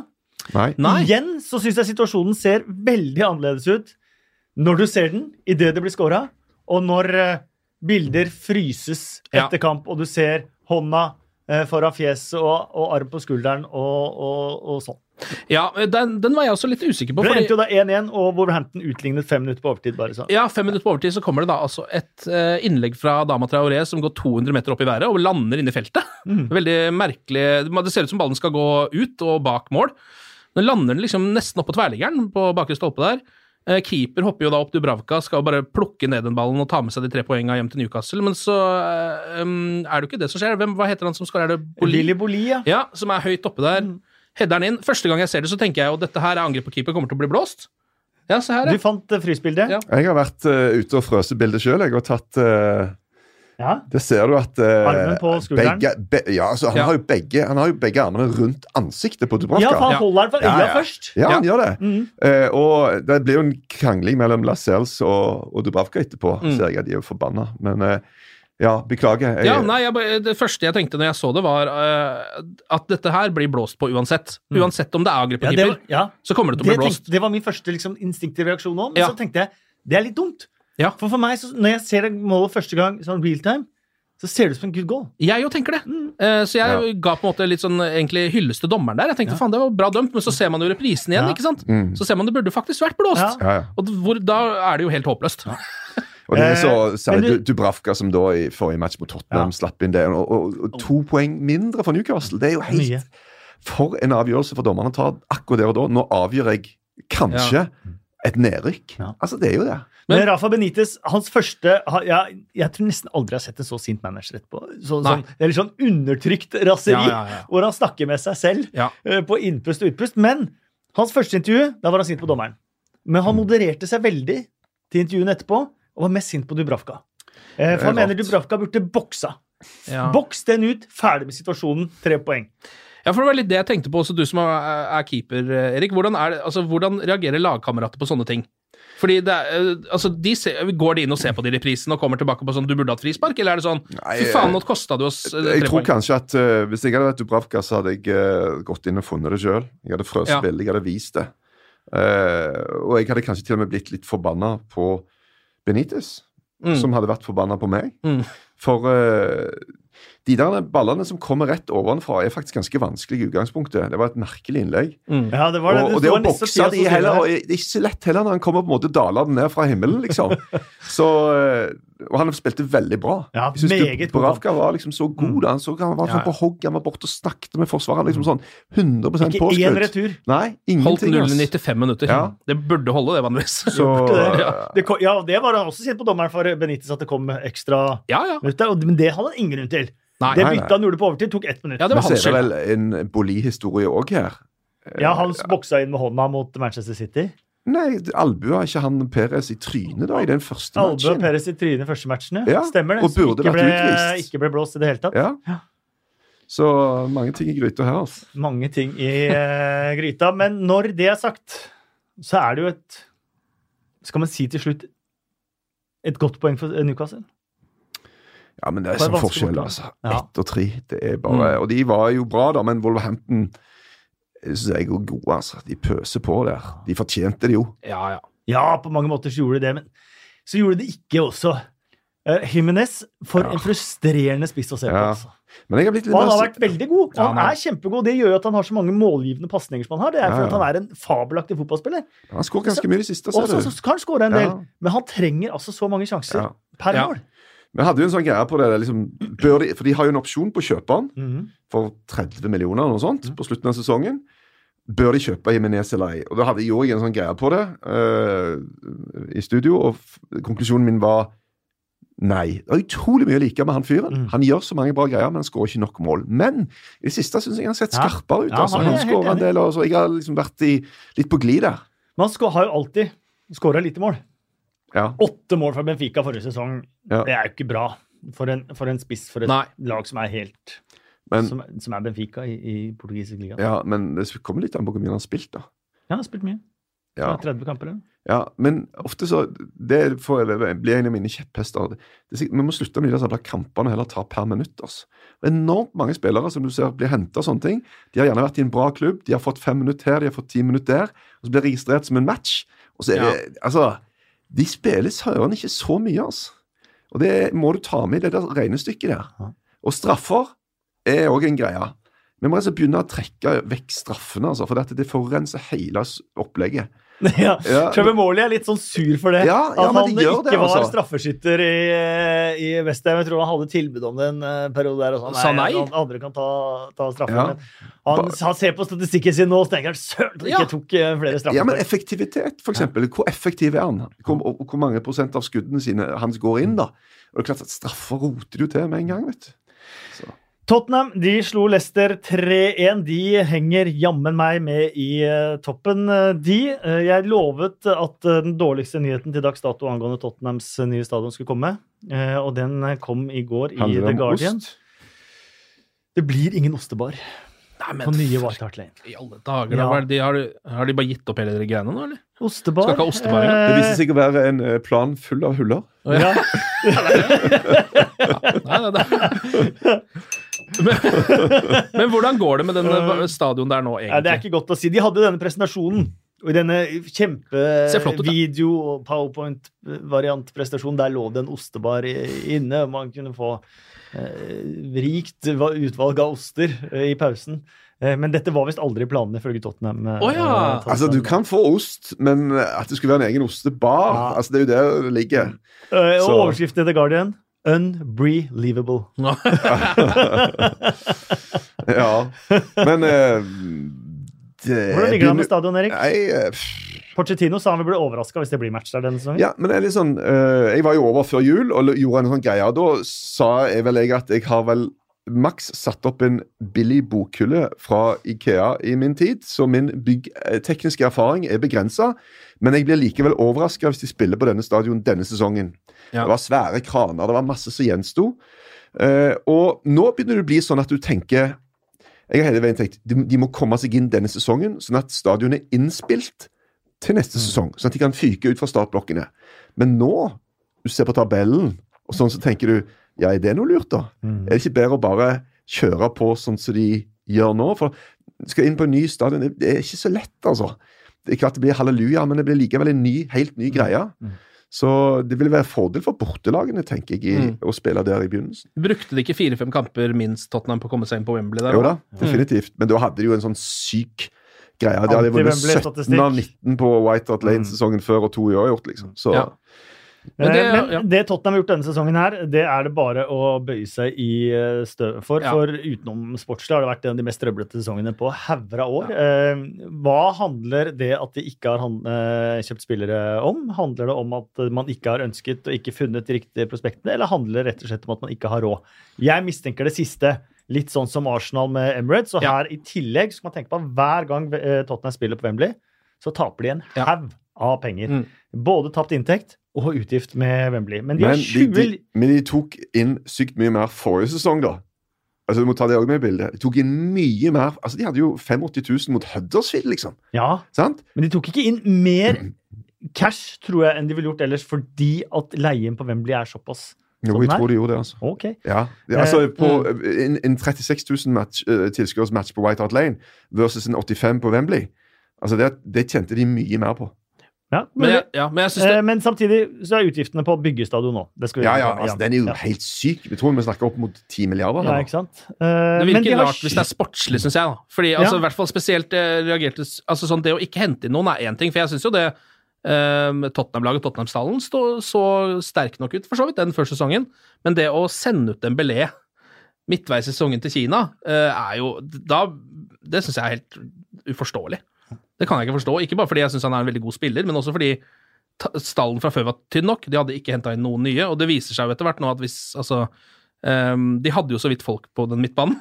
Ja, jeg, tenkte, jeg tenkte at det var godt gjort i det hele tatt å få penger for Dembélé, sånn som han har sett ut med skader og hofte Ja. og, og spill, men nå starta de med Oliver Skip Ja. i helga, så da kanskje du har Jo, men enn, sitter på eh, benken. meg, da. og Vanjama sitter Wanyama, på benken. Wanyama Ja. syns jeg er en bra spiller. Ja. Ja, enig. De har jo han, da. Så Nei, det er litt rart hvordan han har forsvunnet nedover eh, rankinglistene der, altså. Jeg vil snakke om at han skal selges til sommeren òg. Men de har altså 20 ligaseiere til nå. Eh, De har kun hatt flere da de vant ligaen i 1960-61 etter 26 eh, kamper. Um, De henger med. De er fem poeng unna ligamesterskapet.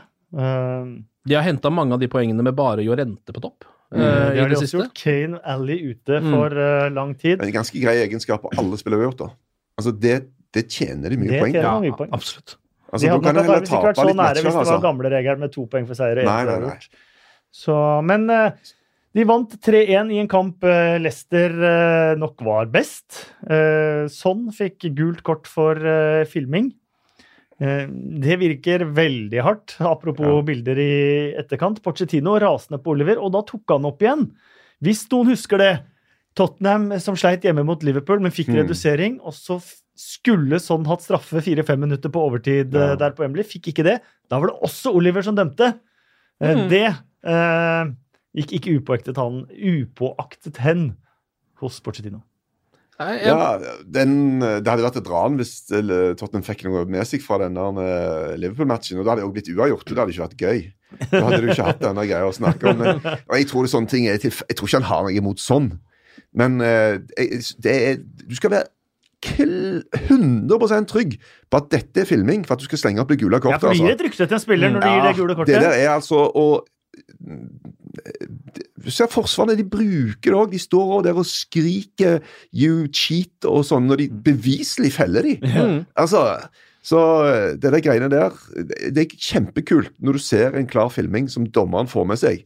Det er bra, altså. Ja. Men ofte så gjør de det på, på ting som i dette tilfellet her ikke i nærheten. jeg syns det, har- det har blitt litt feilslått, nesten, gult kort for filming som regel. Fordi i starten så eh, Jeg tror det har hatt en preventiv effekt, selvfølgelig. Jeg tror det er mindre filming nå enn det det har vært tidligere. Men samtidig så kan jeg Det er lenge siden jeg kan huske å ha sett et korrekt gult kort for filming. Altså, jeg kan huske at eh, Ja, eh, Tottenham har fått fire denne sesongen nå. Ja! Og det er jo nesten alltid, hvis man ser på de reprisene, så er det, selv om det man kanskje kan Det kan se ut i starten som om man faller lett, så kan du Ser du Ja, det er et lite spark på foten. Altså det er, Ja. det er veldig sjelden en spiller bare legger seg ned. Det er ikke så vanlig å gjøre lenger, da, men det virker som dommerne fortsatt har en slags uh, tanke om at det gjøres hele tiden. Mm. Det synes jeg er litt rart. Uh, Leicester, de uh, hadde mye bra i denne matchen, det er det ingen uh, tvil om. De hadde Jamie Vardy på benken. Jamie Vardy som skal ha ropt eh, ting til Claude Poel etter Manchester United-kampen. Ble jo spekulert i en rift eh, der, og det kan jo godt hende at det var. Det ble ikke noe mindre spekulasjoner med Vardy på benken. Men Vardy fikk komme inn for å ta et straffespark. Mm. Eh, Det gikk ikke så bra. Nei. Man varmer opp uten ball der, Erik. Ja, det er spesielt. Det sier jo litt om hans status. Og så var det en, eh, men jeg er vant med at han bare Han bare burer Ja. denne ballen inn, Mm, altså. ja. Og, nå var det litt sånn halvslakt. så Så det klart, Men det er jo etterpåklokskap. Ja, men Altså, er det det? For jeg var på Craver Cottage på Fulham mot Oldham. Nøyaktig samme situasjon. Fulham får straffespark. Da var det vel 1-0 til Oldham, hvis ikke jeg tar helt feil. Mm. Eh, Mitrovic kommer inn, mm. eh, legger ballen på merket, brenner straffen. Ja. Så nå har jeg sett det to ganger på en Men, måned. men jeg husker, jeg tror det var fire år siden så 15 spilte. Og da tror jeg eh, de fikk eh, straffe i 68. minutt. Og da var det en spiller som hadde vært på fra begynnelsen av, som bomma på den straffen. Nei! Jo, Nei! det Så det kan skje, det kan- òg, Jo. ja. Det går an. Men altså, jeg ser, ser logikken i at det aller første sparket ditt på en ball er ikke sikkert det sitter helt. Nei, for det, måte, det er annerledes enn å få straffe det første minuttet, tenker jeg. da, For da har man Ja. jo varma opp med Ja, ja. ball. Ja. Uh, mens de får ikke, ikke lov til å drive og holde på med baller. Nei, de gjør ikke det, altså. Så det er et poeng. Ja. Det er det, altså. Eh, Puel har nå ett poeng på sine fem siste kamper. Han er ikke en veldig populær mann i Leicester. Eh, Peter Schmeichel, ekspert på Be In Sports. Han antydet vel, gikk vel ganske langt i å antyde i hvert fall, at guttungen ikke har lyst til å fortsette i Leicester under Puel. Er det såpass ille, ja? Ok. Ja. Det, jeg vet ikke helt Altså, Kasper Schmeichel er jo en bra keeper, eh, men uh, hvor skal altså, så, hvor skal han gå, Nei. Det fikk han jo spørsmål om. Han sa at uh, han har nok blitt så glad i eller er nok så glad i England og Premier League at han har lyst til å være i Premier League. Ja. Uh, men at, uh, at Puel er, er vanskelig. Det er veldig Det er ikke så ofte man hører at keeperne går, begynner å klage på den måten, er det det, Erik? Nei, og det er klart det går jo kanskje litt sånn på stemningen i klubben og, og ditt og datt og ditt og datt, men uh, det forundrer meg litt at faren er såpass klar, altså. Mm. Det kan jo òg skape litt sånn problemer for sønnen, tenker jeg. Ja, Eh, så, og for fire kamper siden så tapte de 3-0 mot Wolverhampton og var fullstendig ræva. De tre siste kampene har de spilt mot Man United, Liverpool og eh, nå Tottenham. da. De har vært Veldig gode. De har vært, gode. De har vært egentlig på høyde eller best i de tre Mm. kampene. Men er ikke det, er ikke det det som frustrerer Leicester-fansen eh, med Poel? De har slått Manchester City, de har slått Chelsea. Eh, de klarer å plage storlagene når de spiller mot storlagene. Så taper de mot Cardiff. Mm. Ja. Eh, blir rundspilt over Wolverhampton. Klarer ikke de kampene der pga. spillestil. Og Ja. det er det som har frustrert fansen. Ja. I tillegg til at Poel da Han har jo karisma og utstråling som en relativt gammel boks makrell i tomat. Ja, og begynner også å øh, gå på en Keegan. Han blir gråere og gråere For i hver både, kamp. ja, både hud og hår. Ja. Men jeg tenker, jeg føler det der med karisma det greiene der er kanskje litt sånn altså Hvis du har en god plan, da jeg Ja, men jeg Har ikke det noe å si på Det- hverdagen jeg på treningsfeltet og sjef og manager og Den beste motivasjonen er å få spillerne med på en god plan. At du utfordrer hver enkelt. Dette er det du skal gjøre i det store bildet. For at vi skal vinne, så må du gjøre det, det, det og det. Du legger lista, du gir tilbakemeldinger, du viser film, du får spillerne involvert. Altså, det er tror Ser du for deg at Pearl er en sånn person? Ja, det tror jeg. Ja. Det tror jeg han er. Jeg har hatt veldig mange trenere som har klappet i hendene og sagt 'come on'. Og Mhm. det er litt begrensa i lengden, da. Derfor tror jeg veldig på dette Men god Derfor tror jeg på en reise, da. En, en utvikling. En Guardiola, en, en Klopp, en Pochettino, som òg bruker tap til ikke bare å avskrive, men mm, dette skjedde, vi må bli bedre. Hva skal vi gjøre neste gang? Det, det tror jeg eh, for, for spillere har lyst til å lære.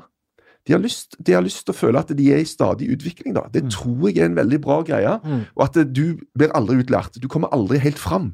Sant? Så det handler ikke bare om å skåre ett mål mer enn de andre. Det handler om å, om å få til ting. Mm. Om å lykkes med ting og kjenne mestring, og at i dag var vi bra. Ja. Jeg tenker, men jeg bare liksom, eh, som, som supporter, da, eh, så ville jeg jo synes det er veldig vanskelig, fordi Leicester og Wolverhampton er jo litt like lag sånn sett. De eh, klarer å konkurrere mot topplagene, spiller ofte bra da, og så taper de gjerne mot de dårligere lagene igjen. Mens Cardiff for eksempel, da er helt totalt omvendt igjen. da. Og jeg ville jo på en måte som supporter tenkt sånn da Er det ikke litt deilig at laget mitt faktisk prøver å spille fotball? Og er det ikke gøyere å slå eh, United og City og eh, Spurs enn det er å slå eh, Cardiff, da? På en måte, Men samtidig så er det jo bare seks av disse lagene som de kan slå, Ja. Ja. og en hel haug med lag som de da vil tape poeng mot. Og det skjer jo ikke så Ok, de har vel to seire, da.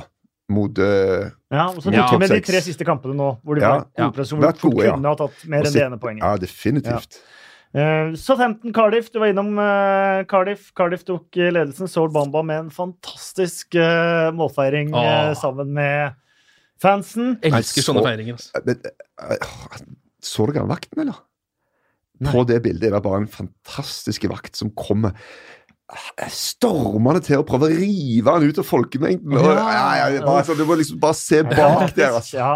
For en mann. Først så blir han nesten lopp ned av Bamba, da, så han blir liksom helt satt ut. Og så prøver han liksom å gjøre noe med dette her greiene her. Sjanseløs. Saul Bamba han utvikler, har utviklet seg. Det ble sånn fyr. Du vet, noen mennesker som man ikke kjenner, som man bare Å, han kunne vært kompisen din. Ja, ja, ja. Uh, vi kunne hatt vi kunne det skikkelig kult sammen. Han virker skikkelig kul fyr. Husker du da han ikke fikk gult kort for å rive av seg drakta i målfeiringa? Uh, det intervjuet han hadde da? Eh, Nei, jeg husker ikke. Nei, det var tidligere i sesongen. Han, veldig morsomt. Han fikk ikke gult kort for å rive av seg drakta. Ja. Så fikk han spørsmål om det, og bare ja, det tror jeg dommeren glemte, men ikke si det til noen. Med et kjempesmil. Ja. Eh, Det er litt det samme nå, fordi han, man får vel gult for å gå ut blant publikum òg? Ja, ja da, fikk gult. Ja. Eh, klemte stykke brillene til en eh, supporter. Eh, skrev vel også på sosiale medier at han eh, ga denne supporteren en hardere klem enn han noen gang har gitt, fra, eh, gitt kona. Ja. Og ko, kona hang seg på der og Ja, han er Virker som en kule, kul gjeng. Ja, kul fyr som uh, må slutte å eh, ta på seg gule kort, få gule kort som han vet han kommer til å få. Altså, det Ja. mener jeg. Fotballspillere har blitt mye bedre. Det, altså, fotball, det er mange Han må få lov å feire. Ja, men du vet Nei, at du han skårer så sjelden. Han vet at i løpet av sesongen så kommer jeg til å måtte stå over kamper og ikke være med pga. at jeg har fått for mange Ikke gule med reglene i England. I Norge så hadde han stått over annenhver kamp. Men i, i England så er det fem, fem gule til, til nyttår, og så har du nå Ja. ti gule. Og i april blir det 15 gule. Han Så du mener jeg kan bare fortsette? Han kommer til å holde seg under den grensa likevel. Tror du? Ja. Ja, ja, ok, men da, øh, da gir jeg meg. Hvis du mener definitivt at han ikke kommer til å måtte stå over noen ting pga. at han driver og tar av seg trøya og springer til fansen Vi kan vedde en sånn snobbekaffe som du hadde med. Ja, det kan vi gjøre. Det gjør vi. um, så 15 utligna jo da, på overtid. Men så skåra Cardiff 2-1 igjen. Ja. Og passerte Southampton på tabellen. Southampton plutselig midt i nedrykksgjørme igjen, etter at å har sett så bra med, Ja. med Hasenhuttel. Og Warnock lovet Cardiff-spillerne fri i tre dager hvis de vant. Eh, så det fikk de jo da. Det er jo god motivasjon. Jeg, det kan jo ha noe med at Warnock også liker å ha et par dager fri sammen med, med kona. Men eh, nå har Southampton tapt fire poeng på overtid Ja, på de to siste to kampene. Det er mye, altså. Ja. De fire poengene Ja. der er sånn gull Mm. nedi der. Altså. Så det er spark i tennene, altså. Skikkelig. Ja. Så eh, Tøffe kamper som kommer for de også Newcastle kan ryke eh, Ja. med Benitez. Uh, Southampton kan ryke. Hvis Cardiff greier seg, noe som er helt utrolig Hvis de gjør, så er det et av de der litt sånn mer anerkjente som må gå. Altså. Ja. De har jo eh, vært gjennom en utrolig tøff eh, periode, Cardiff. Emiliano Sala eh, er funnet og identifisert siden forrige podkast. Og så er det jo da noen folk da, som må stå på tribuna og lage flygestikulasjoner og håne. Jeg vet ikke, om du husker da Crawley kom til femte runde i FA-cupen? Eh, selvfølgelig ikke like alvorlig, men det er bare de, sånne folk jeg, jeg skjønner ikke hva som går rundt i huet på dem. For Crawley hadde da tidenes kuleste cupsang, for de skulle møte Manchester United på Old Trafford. Spiller i en video. Den var så bra, den eh, låta. Bare å finne på YouTube. Men det de ikke så før de publiserte låta, er at selvfølgelig så står det midt i bildet gjennom hele låta en fyr med flygestikulasjoner og teller opp hvor mange som døde i Mm. flyulykken i München og sånt noe. Mm. Eh, hva og hvor er humoren f.eks. også på tribuna eh, til 17 år? Jeg kan, ikke forstå, jeg kan ikke forstå at det har noe med, med liksom man skal vinne på det, eller noe som helst. Fotball bringer ut det beste og det verste i folk. Mm. Og eh, det fine er jo at de nå har mulighet til å plukke ut enkeltindivider. Før, før så var det sånn at du kunne gjemme deg i mengden på Mm. fotballkamper. Med en gang de begynte å kunne gå inn og ta én og én, så ble det vanskeligere. Og jeg håper jo at de gjør det. Det har de gjort. Ja. Um, også masse trøbbel mellom Watford og Everton. Der returnerte Marco Silva og Richarlison til Vicarage Road. Um, det Richarlison fikk gjennomgå i den Han fikk Altså. så gjennomgå. Det var helt åpenbart at det var Dette Ja. hadde spillerne bestemt seg for. Det var ti runder mot Mike Tyson det, han i 90 minutter. Det var det. Marco Silva fikk eh, gjennomgå fra tribuna, og fra høyttaleranlegget. Eh, spillelista til DJ-en var bare sånn der gode gamle Snake og, og Oi, liksom eh, sånne ting. Ja, vel. Eh, det er jo ikke avklart situasjonen mellom Watford og Everton og Marco Silva ennå. Ja. Eh, eh, Everton har jo tilbudt seg å betale 1 million pund. Det vil ikke Watford høre noe av, men det må man jo snart få en avklaring på, så dette kan roe seg litt. Mm. Eh, fire stykker arrestert utafor stadion, to stykker til sykehus. Eh, så det ble jo slåssing. Eh, dårlig atmosfære på inne fra aktører skaper det samme på tribunen og utafor stadion. Ja. Og det må man også ta inn over seg. Mm. Men det er jo Ja, jeg, det, det, jeg har litt ambivalent forhold til de tingene. fordi det, jeg savner jo litt den gode, gamle 90-tallsatmosfæren også. I Ja. Premier League. Det har blitt eh, litt for profesjonelt. Det har blitt veldig sterilt. Det har det blitt. Ja, på en måte. Der, Ja. De går liksom og utveksler telefonnummer på veien på kampen, liksom, og legger ut noen emojis og noen smileys og koser seg. Det, um, det er et eller annet som har gått litt tapt i det også, men selvfølgelig eh, Med en gang det begynner å måte, bli sånn at man egger opp supporterne sjøl til å få de til å banke opp hverandre utafor kampen, så har man bomma. Da har man bomma. Ja. Det er akkurat det jeg også, også mener. Fordi at det var over til mitt neste punkt der. For jeg, må, jeg klarer ikke la være ikke prate litt championship. Ja. Vi må prate bitte litt championship. Det var Old Farm i helga. Norwich mot eh, Ipswich. Eh, og der uh, Norwich vant 3-0. Topper Gratulerer, nå championship. Tar den. Eh, men der, i løpet av eh, 90 minutter, var det mer slåssing på banen enn eh, en eh, 70-tallskamp mellom eh, Oi. Boston Bruins og Philadelphia Flyers. Altså, Ja. Det var altså så mye bråk. Og på overtid i første omgang, da skulle Ipswich-manager, tidligere Norwich-manager Paul Lambert, han skulle over på Norwich-benken og banke noen. Oh, ja! Eh, først kom vakter, så kom politiet. Uh, faktisk også fikk holdt han tilbake og husja han ned i spillertunnelen og opp på tribuna. Uh, men det Der tenkte jeg også det samme som du tenkte, at hæ, det er litt deilig med litt temperatur òg, Ja. Mm. og man ser at det betyr noe for folk. Ja. Og hvis det smeller litt av og til, så er det helt OK, eh, så lenge ikke noen blir alvorlig skada og sånne ting. Men hvis det er liksom folk blir redde for å gå på kamp igjen. Mm. Det Det er kan ikke skje. stas. Det kan ikke Det er- Aldri igjen. Denne greia som var eh, Det var jo noen syke bilder fra noe slåssing før en FA Cup-match òg. Everton. Ja, det var det vel noen som fikk eh, ble eh, Knivstukket. Ja, Mm. Men det er en Så- historie som går tilbake til 70-tallet, akkurat det der. mm, Eh, fordi at Millwalls rykte eh, på den tida der var jo fryktelig. Ja. Ja. Men der supporterne fikk voldsomt juling, var før en match mot Everton i eh, Liverpool. Oh, ja. Eh, og det har hengt ved Så nå 40 år senere skulle de ta igjen? Nå skulle de ta igjen. Nå skulle de få det endelige Mm. oppgjøret fra Mm. den gangen der. Og da Ja. var det også Millwall-supporter som ble knivstukket der oppe på om det var sen 60- eller tidlig 70-tall. tror Ja. jeg det var, ja. Så det henger ved. De oppdrar ungene sine til Det dette skulle her være sånn parodi på FA Cup-trekningen en gang på TV i England. Så trekker disse kulene, vet du. Sånn uh, Liverpool, Exeter, Rochdale. Så kommer det opp en murstein. Millwall. Nå skal det sies også at Millwall som klubb har gjort ekstremt mye for å kvitte seg med uh, dette både ryktet og, og alle elementene rundt. Det ble jo kåret faktisk til årets sesongens, eller årets familieklubb. Mm. Å ja, forrige da har sesong. de gjort en Ja, jobb, ja. mm. Ja. Og de har vært uh, veldig uredde for å ta avstand også fra det som skjedde mot Everton og andre, andre situasjoner. Det skal de ha. Ja. Uh, men ja, uh, vi må måtte litt uh, championship, fordi at den ligaen her det, I denne sesongen har det vært helt kokos. Eh, det har vært fra 0-3 til 3-3 i løpet av overtiden, og det har vært eh, 4-3-kamper, og det har vært Nå skåra Leeds ti minutter på overtid. Skåra de 1-1 nå i helga. Eh, Verst var det for QPR. Eh, 0-4 mot Birmingham. Fikk en redusering like før pause til 1-4. Eh, I andre omgang kom 2-4. Så kom 3-4. Og to minutter på overtid fikk de straffe. Som de brant. Så uforløst! Oi. Men dette skjer i championship hele tida nå, føler jeg. Og Og, i Bundesliga.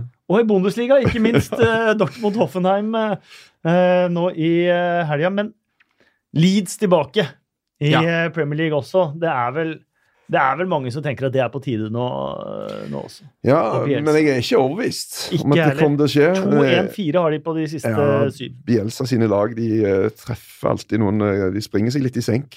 Men jeg skal komme med én sjelden podkastanbefaling her, i tillegg til eh, United Be Podcast. Det er eh, fotballsekspertene. Eh, hvor de intervjuer Pontus eh, Jansson, Leeds-midtstopperen. Det var utrolig interessant å høre.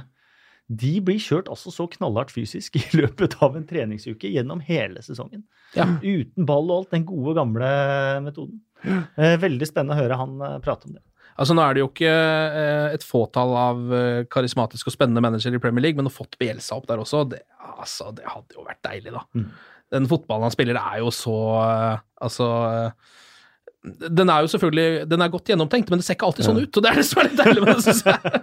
Men det er det her, Hans Bakke også blir intervjua i denne podkasten, og han har skrevet bok om eh, Bielsa, og han vet jo definitivt hva han eh, prater om. Han sa at fascinasjonen startet da jeg var landslagstrener for eh, Mexico, var det det, med, Ja. med Svennis. Eh, og vi møtte Chile, og så posisjonsbytter og hvor mye de løp og alt mulig. Og etter det så ble han bare helt sånn Bielsa han skal jeg finne ut alt om. Ja. Å høre han prate om Bielsa også var uh, veldig interessant. Så finn opp eh, fotballsekspertene etter denne podkasten her. Det var spennende. Burde Mm. høre den dere to òg. Takk for tips.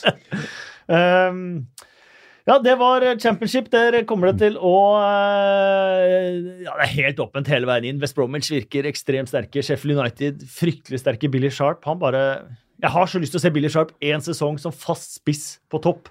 Han var jo i Southampton, fikk jo aldri ordentlige muligheter, men man tenker jo at hadde Southampton hatt Billy Sharp denne sesongen her eh, Ikke Hva er det spissene til Southampton har til sammen? Tre mål eller noe sånt noe? Ja. Eh, hadde de hatt Billy Sharp, som nå står på 23 i championship, jeg tror de hadde hatt skåra flere. Ja. Eh, og så er Leeds og Norwich og Derby gjør det ikke så verst. Derby hadde også vært fint å få opp igjen. Ja, enig. Var det sju poeng de hadde sist de var oppe? Ja. det var Nei, det var vel 11, var det ikke det? Elleve poeng var det. Trodde jeg. De hadde én seier. Elleve poeng var det kanskje. Nei, det var sju. Ja, ja. Ja, det kan godt hende jeg tar feil på det. La oss kjøre Eh, en kjempekrangel på dette. nei, vi har, eh, det, det vi har i dag, er Google. Ja. kan finne det aller, eh, aller meste. Vi må dele ut blomster og kaktuser og sånn. Ja. Det var moro å se på. Morata var kjempegod. Hva i all Han snakka ikke om seg sjæl, han snakka om dommeren. Eh, skal vi se om eh, eh, Har dere tatt med dere noen, eh, noen tips, eller trenger dere kanskje litt hjelp fra, Har vi noen fra forslag? Twitter? Ja, Eh, Vi kan jo ta noen fra Twitter også. Jeg vet ikke, Skal vi begynne, hvor begynner vi igjen? da? Begynner vi på kaktus eller på blomsterbukett? vi begynner på blomsterbukett. Ja, det er koselig, det, da. Ehm, jeg, kan, jeg, jeg har lyst til å hive ut Isaac Hayden, jeg. Bare fordi eh, han fikk sitt første mål på ja, to år, eller? Ja, halvannet år. Halvannet år, ja. Ja. Eh, som jeg også trodde skulle bli det avgjørende, altså at Newcastle skulle vinne den kampen. Nå ble det jo ikke sånn pga. den situasjonen vi var innom i stad, med Dubravka osv. Så, eh, så så viktig ble jo ikke det målet, men litt eh, altså han, det, det er ikke en mann som får mye skryt, syns jeg. Isaac Hayden er, ikke, er sjelden jeg liksom, eh, noen bare tenker sånn Han syns jeg er en god spiller. Ja, så hadde det er akkurat slakta han litt. Ja, du hadde Minuttet før han skåra. At uh, nå var det på tide å bytte ut Isaac Hayden, var vel det jeg meldte. Det tror jeg må ha vært innafor ett minutt før han skåra der, uh, faktisk. Det er vel Ja. det man kaller commentators curse. Ja. Ja. Og hvis ingen andre har tenkt å gjøre det, så må jeg selvfølgelig nevne Ole Gunnar Solskjær eh, Ja. som en ganske klar blomsterbukett-kandidat. Det burde han få egentlig bare for å bli kåret til månedens manager. Ja. meg. Men da har vi allerede fått en pris, har han ikke det? Hvor mange priser skal han få, egentlig? Ja, han tar med seg Skal- blomster. Må ha, må ha noe pent å sette den der eh, Nei, Jeg tenker jeg skal gå eh, Nå skal jeg kjøre en veldig, veldig eh, snever uh, keepergreie. Jeg vil litt blomsten til Dubravka. Som blir sittende igjen med hele driten, Ja. og som definitivt burde fått frispark i den situasjonen. Og så nå sitter han der og har sannsynligvis ikke sovet i hele natt. Har en manager og lagkamerater som er pisse sure på han. Mm. Og så har han altså to hanskebekledte eh, eh, hender foran øynene når han skal ta ballen, liksom. ja. Det Han har det er egentlig så har han, innsalg, det der. ja, han har egentlig holdt nullen, sikra tre poeng, viktige poeng. ja, vært kjempebra hele kampen. Mm. Du sier, han hadde noen situasjoner Hvis jeg gir, hvis jeg gir en halv meter Ja. retur her, Mm. så skårer de. Mm. Han ligger der, Ja, altså. gjorde det. Og det er spesielt sterkt etter det som skjedde på, på Ja. For det var en sånn situasjon Ja. hvor han skulle holde fast. Og i tillegg så hadde han en mot Man United. Da ga Ja. han en halvmeter retur. Mm. Ja. De skåra 1-0. Ja. Ja, Skal vi gi den til Dubravka, da? vi kan godt gjøre det. Det er sympatisk, det. Ja. Uh, ukjent helt er kanskje Isaac Hayden kanskje Ja. større. eh, Og Sean Longstaff har jo jeg blitt litt forelska i. Ja, han er bra, altså. Ja, han er kjempebra. Han er. Ja. Jeg var på utlandet i Blackpool forrige sesong, var bra der òg. han er den samme årgang som Declan Rice, eller? 21 år, så han er vel Ja, er litt- kanskje et år eh, eldre eller to. der, eller Ja. to, ja. Mm. Men han, for han debuterte rett før jul en gang, eller? Nei, i romjula. I romjula, ja. Og spilt som alt innbytter, siden. Og spilt så å si alt siden. Starta vel sin åttende strake kamp nå. Ja. Jeg vil også pælme Alex Iwobi oppi der. Ja. Uh, altså, ukjent og ukjent, men han er en spiller som uh, jeg selv har avskrevet opptil flere ganger. Kommer sikkert til å gjøre det flere ganger til også. Men nå synes jeg, altså han har jo vært, han har kanskje vært Arsenals beste spiller i mange kamper jeg har sett. da. Ja, og han får altså så mye tyn fra Ja. egne fans. Ja. Mm. Det er fordi han er sånn spiller som man tenker han er egentlig ikke god nok. ja. Men hvis han da eh, er Han er ikke god nok til å bli Alex Iwobi Iwobi ennå. Nei, nei, men hvis han liksom score, altså, nå kanskje har vært blant Arsenals beste spillere i en fem kamper på rad. Jeg Altså. tenker han er litt i Jesse Lingard-kategorien. Det er akkurat det. Sånn ung eh, fra egen stall. Altså, han er ikke så ung. Lingard er jo piggere 26. Ja, det ja, er jo helt ja, ja. utrolig. Men, Ja. men sånn som ikke er blitt kjøpt for de store pengene Fansen har ikke gått og gleda seg til å se den spilleren. og liksom Forventningen bygger seg opp. Det er bare en fyr som sniker seg litt inn, og så Ja. ah, Hvor bra er han egentlig? Ja, så har han ingen av de der åpenbare kvalitetene. Han er ikke veldig driblesterk, ikke veldig rask, ikke en ekstremt god Men- skytter, men Totalpakken blir bra, da. mm, På samme måte som Jesse Lingard, da, Ja. som er en, egentlig til en, i et stjernegalleri en undervurderte fyr. ja. Han kommer nok alltid til å være det også. Ja. Selv om, han, altså, selv om Jesse Lingard blir en fast Manchester United-spiller og de vinner Champions League, så kommer han til å si at han har undervurdert. på en måte. Skal vi inn til Iwobi, da? Ja, vi kan godt det, altså. For Dubravka har fått, da har jo fått- Newcastle fått uh, rundens øyeblikk. Hva var det? Ja, uh, jeg syns Sol Bamba blant publikum er et av Ja. rundens store øyeblikk. Um, og også selvfølgelig Mike Deans ball, uh, som, hvor han gjemmer ballen for Definitivt. var gøy. Eh, hva mer, da? Jeg, jeg tenker jeg, jeg vil finne noe fra noe som jeg kalte en historisk kamp, for når Chelsea taper 0-6, er det faktisk historisk. Mm. Et eller annet eh, der eh, Headingen til Barkley. eh, Headingen til Barkley, eh, skuddet til Aguero eh, At Sarri går rett forbi Guardiola. Ja. Noen vil si Guardiola Ja. greide å dra veldig ned. For eh, altså Det kan godt være at det gikk trill rundt for han. At han, Mm. Det svartna for øynene hans. Han visste ikke hvor han var henne. Men jeg tenker at øh, Det var noen som lanserte teorien om at ja, det går på at du skal ikke du skal ikke håne motstanderen når man scorer for mye. Og det er jo en smått absurd teori, tenker jeg. Det er jo noe José Mourinho også har vært inne på. det Ja. Eh, eh, og, og jeg tenker når du fighter om et ligamesterskap som kanskje skal avgjøres på målforskjell, så kan du ta akkurat den greia og bare stikke en viss plass, altså. ja. Du må få lov til å skåre så mange Ja, mål du bare vil. Men jeg vet ikke, for de er jo venner. De spiser jo middag sammen med Sakki Mm. hver sommer. Mm. Eh, og jeg forsto ikke helt hva skjedde der. Han gikk på en måte rett forbi.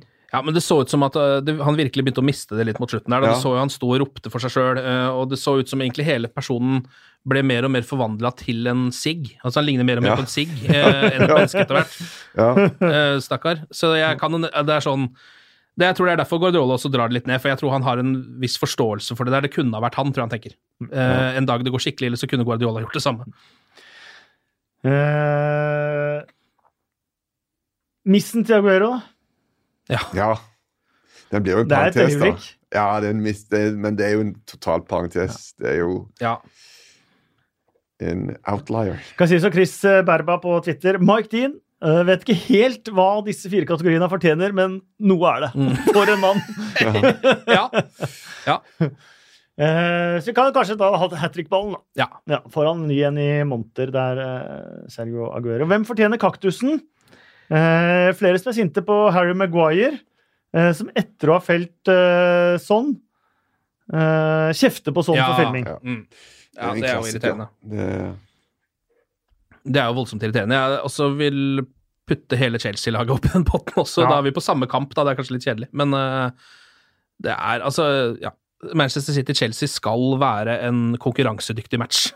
Det skal ikke være det greiene der. Men det er faktisk litt gøy å spole ett år tilbake og huske forrige match, ligamatch mellom Man City og Ja, Chelsea. For da stilte. Conte ut et lag som overhodet ikke var interessert i å prøve å vinne den matchen. De var bare interessert i å begrense nederlaget. Det, det greide de. De tapte 1-0. Men det som skjedde utpå, var patetisk. Ja. Fullstendig patetisk. Ja. Og nå drar eh, Sarri opp der med en annen plan, som i utgangspunktet er mer ambisiøs. Taper 6-0. Men i utgangspunktet så er det ikke veldig stor forskjell på det som egentlig blir vist, da. Nei. Så ja. Nei. Men, men mens eh, Conte sitter jo der og, og sier selvfølgelig nå Hva var det jeg sa? Mm. For han sa jo hvis vi, se, hvis vi går ut på å spille åpent mot Man City, så blir vi slakta, Mm. sa han etter den kampen. Og for en regjerende ligamester å, å si noe sånt er bare helt absurd, syns jeg. Ja, det er jo absurd, men samtidig så er det jo sannheten òg, da. Det er litt Nei, er det ikke det, da? altså, jeg Men de vant jo sesongen før, da, i en sånn Ja. krigematch, Ja. hvor egentlig Manchester City var best. Eh, hvor Aguero ble utvist, vel. Ja, det kan- Eh, hvor Ja, det var de skikkelig det helt fight. på slutten. Ja, ja. Eh, men de tok jo fighten og vant. ja. Eh, selv om, ja. Så, men Til da har vi skjøt i tverrleggeren på, på 2-1 der. mm. Hadde han skåra der, så hadde de jo vært i boks. Mm. Så det var en, ble skutt for straffe, var det den matchen? Jeg vet ikke. Nei, det var kanskje ikke den matchen. Nei. Eh, sånn går det med hukommelsen. Vi eh, skal eh, bevege oss over på Kan jeg få ta en eh, liten greie som nettopp har kommet? Ja. Gordon Banks er død. Nei. Nei. En legende. Ja. Så er jo en av de mest berømte redningene i verden. Mm. Headingen mot, fra Pelé i VM i 1970. Mm. Så og jeg husker jo når han mm, krasja på en golfbane og ble blind på ene øyet. Fortsatte jo å stå i mål. Spilte jo videre, Mm. litt i USA og sånn, tror jeg. Men uh, ble vel helt det samme. Men dette er jo et av de virkelig, virkelig store navnene. Mm. Ikke bare et stort uh, navn, men så vidt jeg har skjønt på Stoke-supporter i Norge, en fantastisk fin mann nå. Ja. Eh, Ja, ikke så lenge siden han var i Norge, Nei, alltid tok seg tid til uh, supporter, til folk, til å fortelle gamle historier, til å være sosial og til å være på nivå med menneskene som elsket han og som elsket uh, klubben. Det, når du kommer ned mot Britannia, så står det jo en flott statue av han uh, oppe på, Mm. på toppen, uh, toppen der. En fantastisk keeper.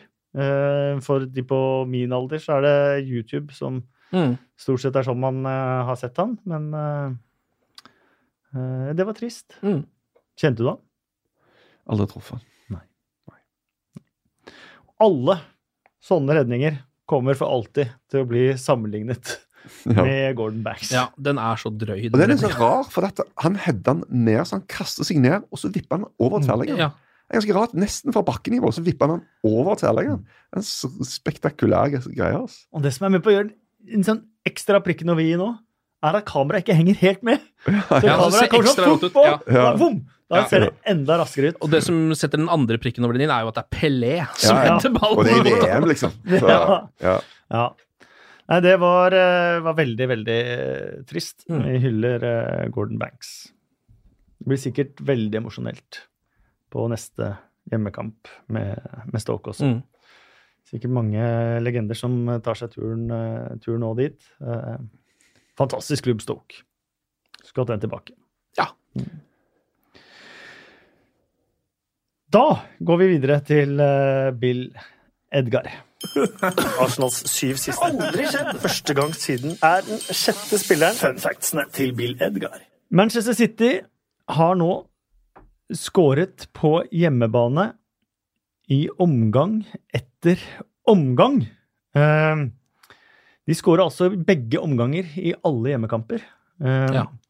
De siste 40 årene i øverste divisjonen så hadde Sheffield Wednesday rekorden. Eh, De skåret eh, i tolv omganger på rad på hjemmebane fra starten av sesongen i 1986-87. Manchester City har skåret i samtlige 28 omganger fra eh, ligastart på Etiad. Hvis du tar med da FA-cup og ligacup, så har City altså skåret i samtlige 36 omganger på hjemmebane denne sesongen. Ja. Det er ganske sjukt.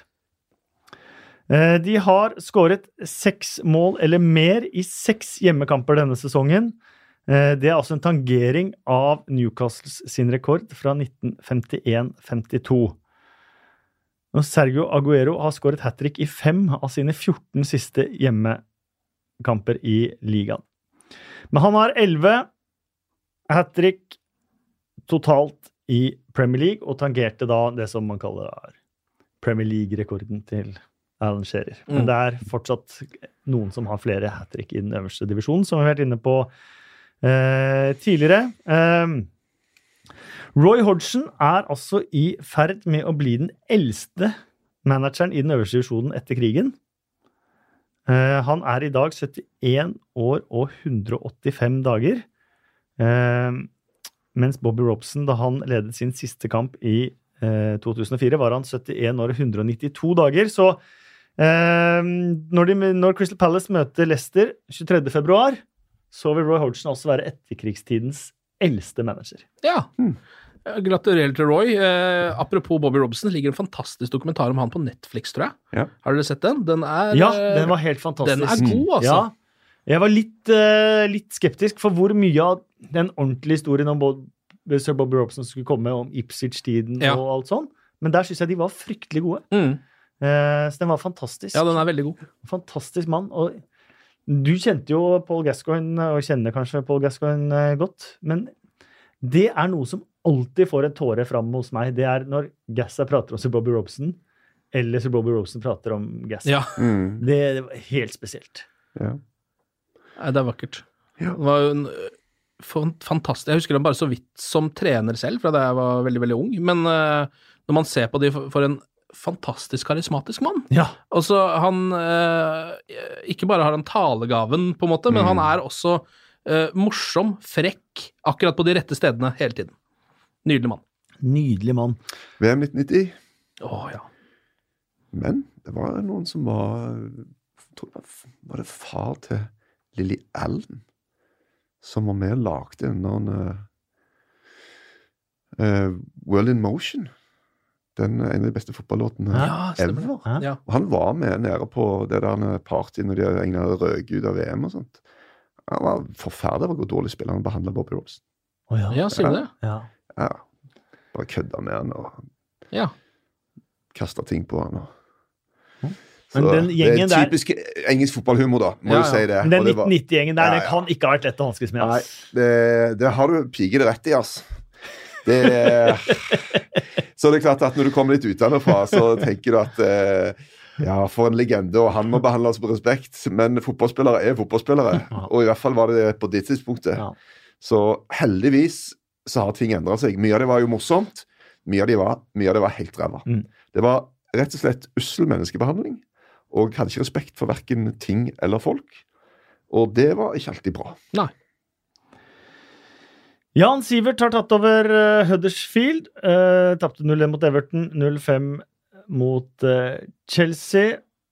0-2 mot Arsenal, men uh, så skåret de endelig 1-2 helt på slutten mot eh, Arsenal. Men de slapp også inn åtte mål før de skåret eh, sitt første, og i Premier League-æraen eh, så er det bare Stuart Gray som tok over Southampton, som har sluppet inn åtte mål før det første har eh, kommet etter å ha blitt ansatt. Ja, det er ikke noe knallstart. det er det ikke. Ja. Hvor mange slapp det bor inn? Sju. Sju? Ok. For han slapp vel inn faktisk tre i første match mot Huddersfield. Mot Huddersfield, ja. Ja. Uh, Steve McLaren slapp også inn sju for Millsbro i 2001 og Stuart Gray åtte. Og Sivert tangerte da uh, Stuart uh, Gray. Um, Veldig gøy når du har Kolasinac på Fantasy. Han har en assist, og så bare lager han selvmord tre minutter han på hadde assist og nullen og alt, og jeg tenkte på det at nå sitter det mange grinete fantasy-managere der. Eh, Manchester United. Ja. Å, nok med smilet til uh, Ken. ja. uh, de har skåret i sine første 18 bortekamper, alle turneringer, denne sesongen. ja. For aller første gang. Å, sier du det? Ja, Shit. En Det er litt- positiv rekord der, Ja, det er altså. litt deilig i en periode hvor vi nå i løpet av en eh, fire-fem år nå, så har det jo vært veldig mange av de der eh, antirekordene som har blitt slått. Veldig. Og Veldig mange, mange. Manchester United-sportere har vært veldig frustrerte over denne spalten til Bill Edgar. Ja. Hvor den ene fantastiske Manchester City-rekorden etter den andre har kommet. Ja. Eh, men her har Manchester United eh, de- fin ting gående. Og de Deilig. fleste av disse kampene er Mourinho-matcher. altså. Ja, ja, det er det jo. Mhm. Det er sant, det. det, er sant, det. Har ikke helt uh, tapt bak en vogn Mourinho heller. Sånn. Eh, jo, Alltid. det var det.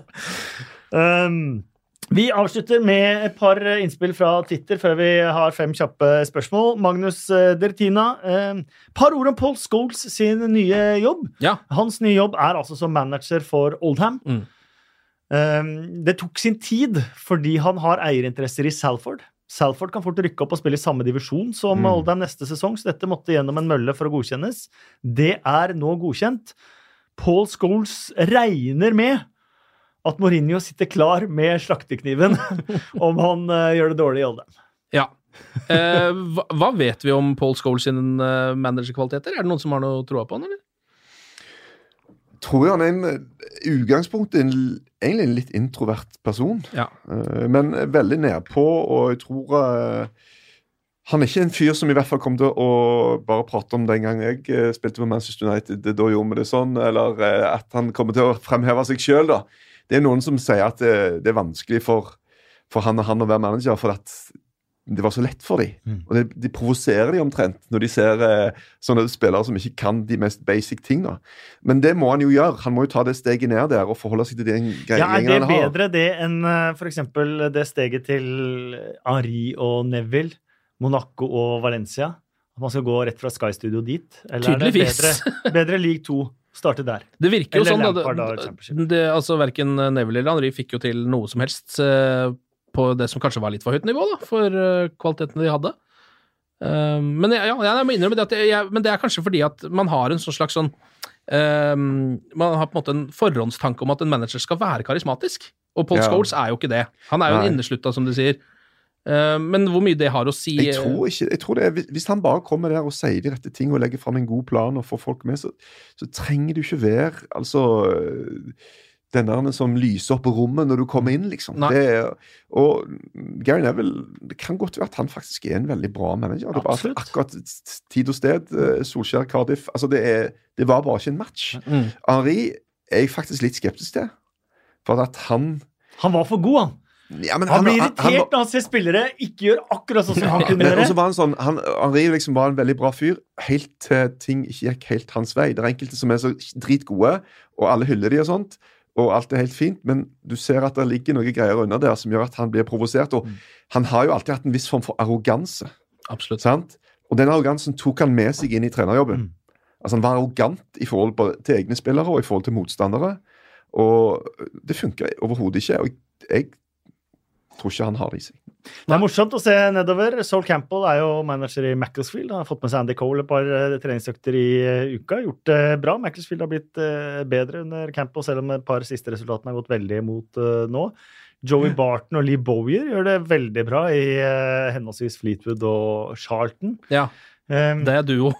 ja, det er du, og de møttes jo her om dagen. Uh, Fleetwood vant 1-0, tror jeg. Ja. Eh, eh, så det er jo en del av disse her som eh, bygger seg opp managerkarrierer derfra, Mm. og som fort kan bli gode managere på det øverste nivået Ja. etter hvert. Det er en bra læringsarena, det. Ja, det har, altså, eh, Den engelske manageren er jo nesten død. altså, Mm. Det han er fire stykker i eh, Premier League. To av dem Ja. møttes jo med Brighton og, og Burnley i helga. Mm. Ja, og Sean Dyche fikk straffe igjen!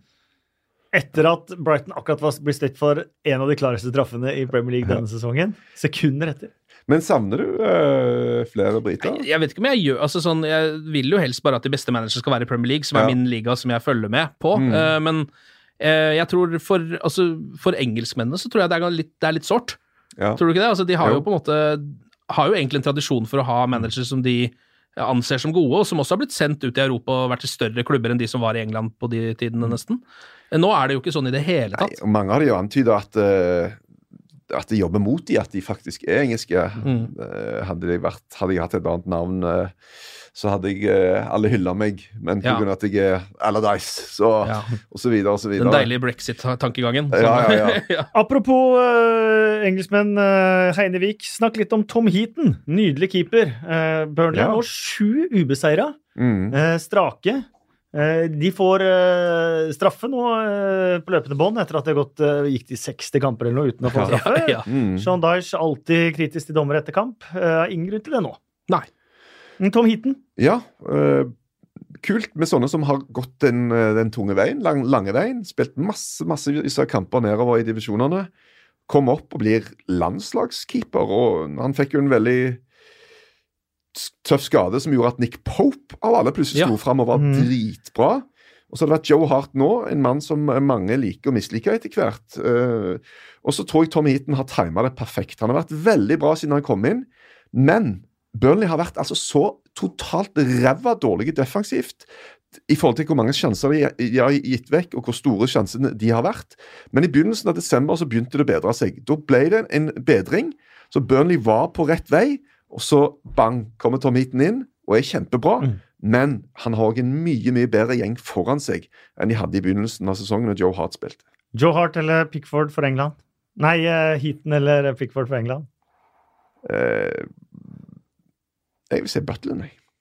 Å ja. Butland har ikke hatt noen stor sesong i Stoke heller, altså. Nei, men jeg, jeg, jeg mener at han er Potensialet er så stort. Pickford ble jo hylla noe enormt for det VM-greiene, men Pickford er en ekstremt fysiske keeper. Det er sånn kult når du ser at det er et skudd som går langt utfor, og ut fra ene kanten av TV-en så kommer det en fyr susende gjennom lufta og prøver å redde et skudd som ligger syv meter på utsida. Han er sånn full av kraft og full av greier. Han hadde jo en syk redning denne helga, der Ja. ballen traff han i Ja, ja. tinningen. ja.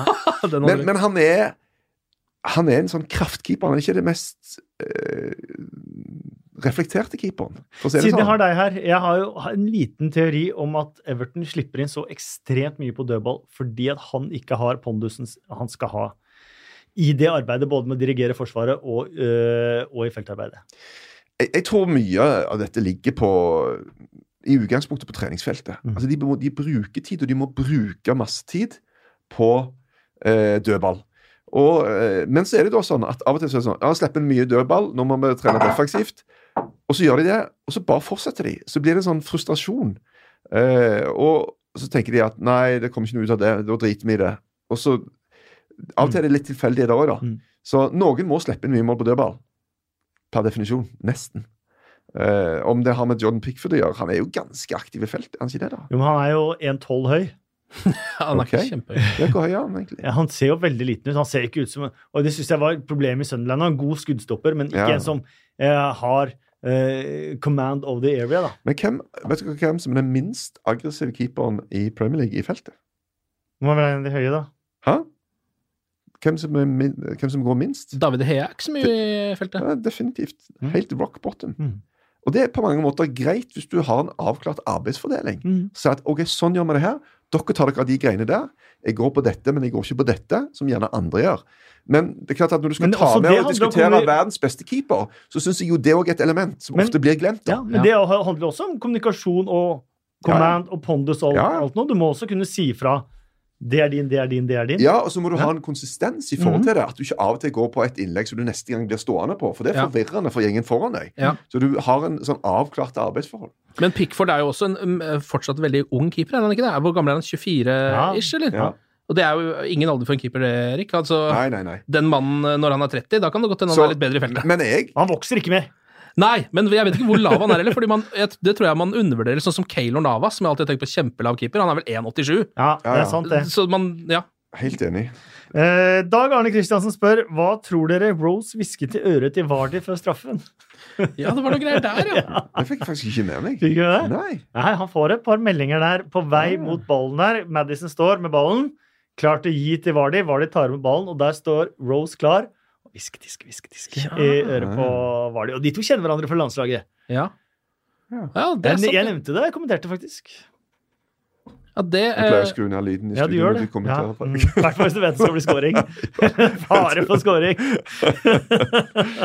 Nei, gudene vet. Ja, ikke sant? Vi får ikke håpe det var noe som gikk på nære slektninger, i hvert fall. Nei. Det er jo fint. Eh, Da tror jeg vi går over til, eh, til eh, fem kjappe spørsmål før vi avslutter. Og Her er også litt hjelp fra Twitter. Haugsrud får første spørsmålet av fem kjappe. Hvem får sparken først? Marco Silva eller Sarri? eh, hmm, jeg har lyst til å si Sarri, bare fordi jeg, altså, jeg slutter å bli overraska over hva Chelsea driver med på managerfronten. Så jeg Silva. Vi er inne i Skolari Villars Boas-tida nå, vet du. De fikk sparken på ca. denne tida her. Ja. Det hadde ikke funka. Dino Farad, hvem blir toppskårer i Premier League? Ja. Nå er det, det er Salah som fortsatt er toppskårer, er det ikke det? Eller? er Sammen med Aguero. Sammen med. Aguero nå, ja. Ja. Ja, jeg syns jo det virker som Aguero sin eh, eh, kurver peker rett opp, men Salah sin har kanskje stagnert bitte lite grann, så jeg sier eh, Sergio Aguero, jeg. Harry Kane. Harry Kane. Nice. Da må han tilbake med ganske fort. Ja. Ja, veldig òg. Nei, ja, ingen, ingen forventa den. Nei, Uh, så det er jo veldig teit sagt, men jeg står ved det. men det er kanskje Hvis man bruker overskuddslageret fra denne ostebaren som eh, Eller oste som skulle inn i ostebaren, så kan man ta Felix Magath-metoden på ankeren. Ja, ja, ja, ja. Helt klart. Eh, Det er altså tre lag som kjemper om ligamesterskapet. Tre lag som kjemper om den fjerde Champions League-plassen. Eh, Hvilket blir det fjerde laget som uh, Hvilket lag havner på fjerdeplass i Premier League? Ja, jeg må si Manchester United, jeg, ja, altså. Jeg tror det òg, da. Bare for å fortsette kveruleringa, så sier jeg Chelsea. Nå ligger de nede, tapt 0-6. Ingen tror på det i det hele tatt. Og de har fortsatt Sarri som trener, selvfølgelig. Ja. En eh, annen podkast har eh, døpt sjuendeplassen til The Everton Trophy. Eh, Ja. Så spørsmålet er hvilket lag vinner The Everton Trophy i, i år? Ja, for krekken Eh, Vet du hva, jeg, jeg, jeg har en følelse av at eh, Nei, hva faen kan bli det? Jeg, har, jeg føler at Arsenal er, liksom fort kan gå på en liten smell. Jeg, når jeg, Og så havner på sjuende? ja, ja, Ja, det er langt det er langt Ja, det er altså. ti poeng. Nei, Ja. elleve poeng. Ja, nei, det blir litt for mye. Ja. Altså.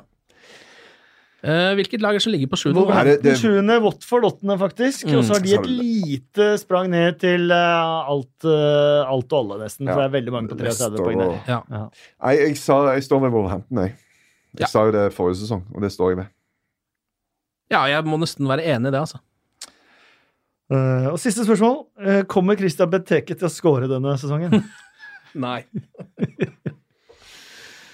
Å, stakkars Benteke, husker du det Ja, der det tror jeg faktisk han kommer til å gjøre. Det saksesparket hans i tverrleggeren der? Ja, det Det hadde gjort så mye, det. Fantastisk prestasjon. Ja. Husker du, På denne podkasten for en stund siden så hadde vi en uh, liten diskusjon om hvor mange mål Alexander Sørloth kom til å skåre ja. i uh, Premier League. Da hadde han nettopp kommet. Da sa jeg ett, og uh, jeg ble hunsa av de andre deltakerne som mente jeg var en kjempepessimist. ja. Ja, men det var det jo. Og du sa tror, tror du sa fem-seks eller noe sånt. jeg. Og det slo vel ikke helt til. Ikke helt. Eh, men han fikk ett i ligacupen mot Swansea. Ingen i ligaen. Ja, da var det greit, da. Ja, Du var. Nei, Se, nei, det se så storsinnet er jeg, Erik. Nei, nei, men Det er vanskelig da, det er vanskelig å skåre et mål i Premier League på noen av disse lagene der nede. Det er ikke lett, altså. Men det slo meg da jeg så James McArthur komme skrått mot keeper. Jeg kunne Ja, bare ja. trille han til Benteke. Ja. Og så lurer jeg på, tenkte han bitte litt og bare Benteke kommer til å blåse den over. Ja, men man har Jeg- sett Benteke banke de over hele sesongen, da. Jeg prøver sjøl. Ja, jeg hadde gjort det samme, Vet jeg. du hva? Jeg tror Benteke hadde vært i offside. Ja. ja. Og satt ned tverrligga. skal faktisk ikke se bort fra det. Uff a meg, det er nesten vondt å se på. Uh, tusen takk for at dere kom. Uh, er du Manchester United-supporter, eller at du f.eks. laget skal møte Manchester United, Mm. eller du er nysgjerrig på Manchester United, eller nysgjerrig på deg Mm. eh, Jeg googla deg før du kom eh, også. Jeg skal bare ta en kjapp google der. Eh, etter bare navnet så er det Ken Vasenius Nilsen kjæreste. Er no, er, Sier du det? Ja. Oi, oi, Det kom veldig, veldig høyt. Det er veldig spennende. Jeg, Ja. det, det kan jeg avkrefte. Så trenger du ikke google det, men Nei. du kan eh, høre podkasten din. Ja. United We Podcast. Mm, sjekk det ut. Den kommer ut en gang i uka, den. Eh, ta for seg de kampene som har blitt spilt, og de som kommer. Og alt som er midt Og del ut stjerner fra kampen. Absolutt. Hender det at dere nevner Ole Gunnar Solskjær? Det blir litt snakk om Ole Gunnar Solskjær i disse dager. Tusen takk for at du kom også, Erik. Ja, du sa det gjennom sammenbitte tenner. Litt forbanna på det. all den Tusen takk, tusen takk for at du også kom, Erik. Så jeg vil ønske alle, etter å ha vært kald i hele podkasten, fred, kjærlighet og forståelse. Det er godt å høre. Og fred, kjærlighet og forståelse tar vi gjerne imot på iTunes eh, også, eh, sammen med helst fem eh, stjerner, men syns du at det var ræva, så skal du få lov å gi én stjerne også. Eh, Vi er selvfølgelig på Twitter, to eh, PL-pod eh, der, og alle vi tre er også på Twitter, om det er noe du absolutt vil eh, eh, kjefte på Mm. i løpet av denne podkasten. Har vi snakket om noe for mye eller for lite eller uh, ment noe feil, så Ja. tar vi imot kritikk på det. Er du klin uenig i den sjuendeplassen til Wolverhampton, for eksempel, så Ja. tar jeg imot den. Altså. Den tar jeg. Såpass raus er jeg. Og jeg er enig med de som er uenige med meg. Ja. Det er det verste av alt.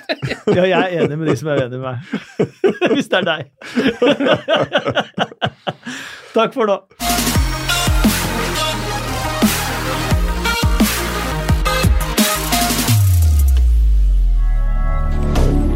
Moderne media.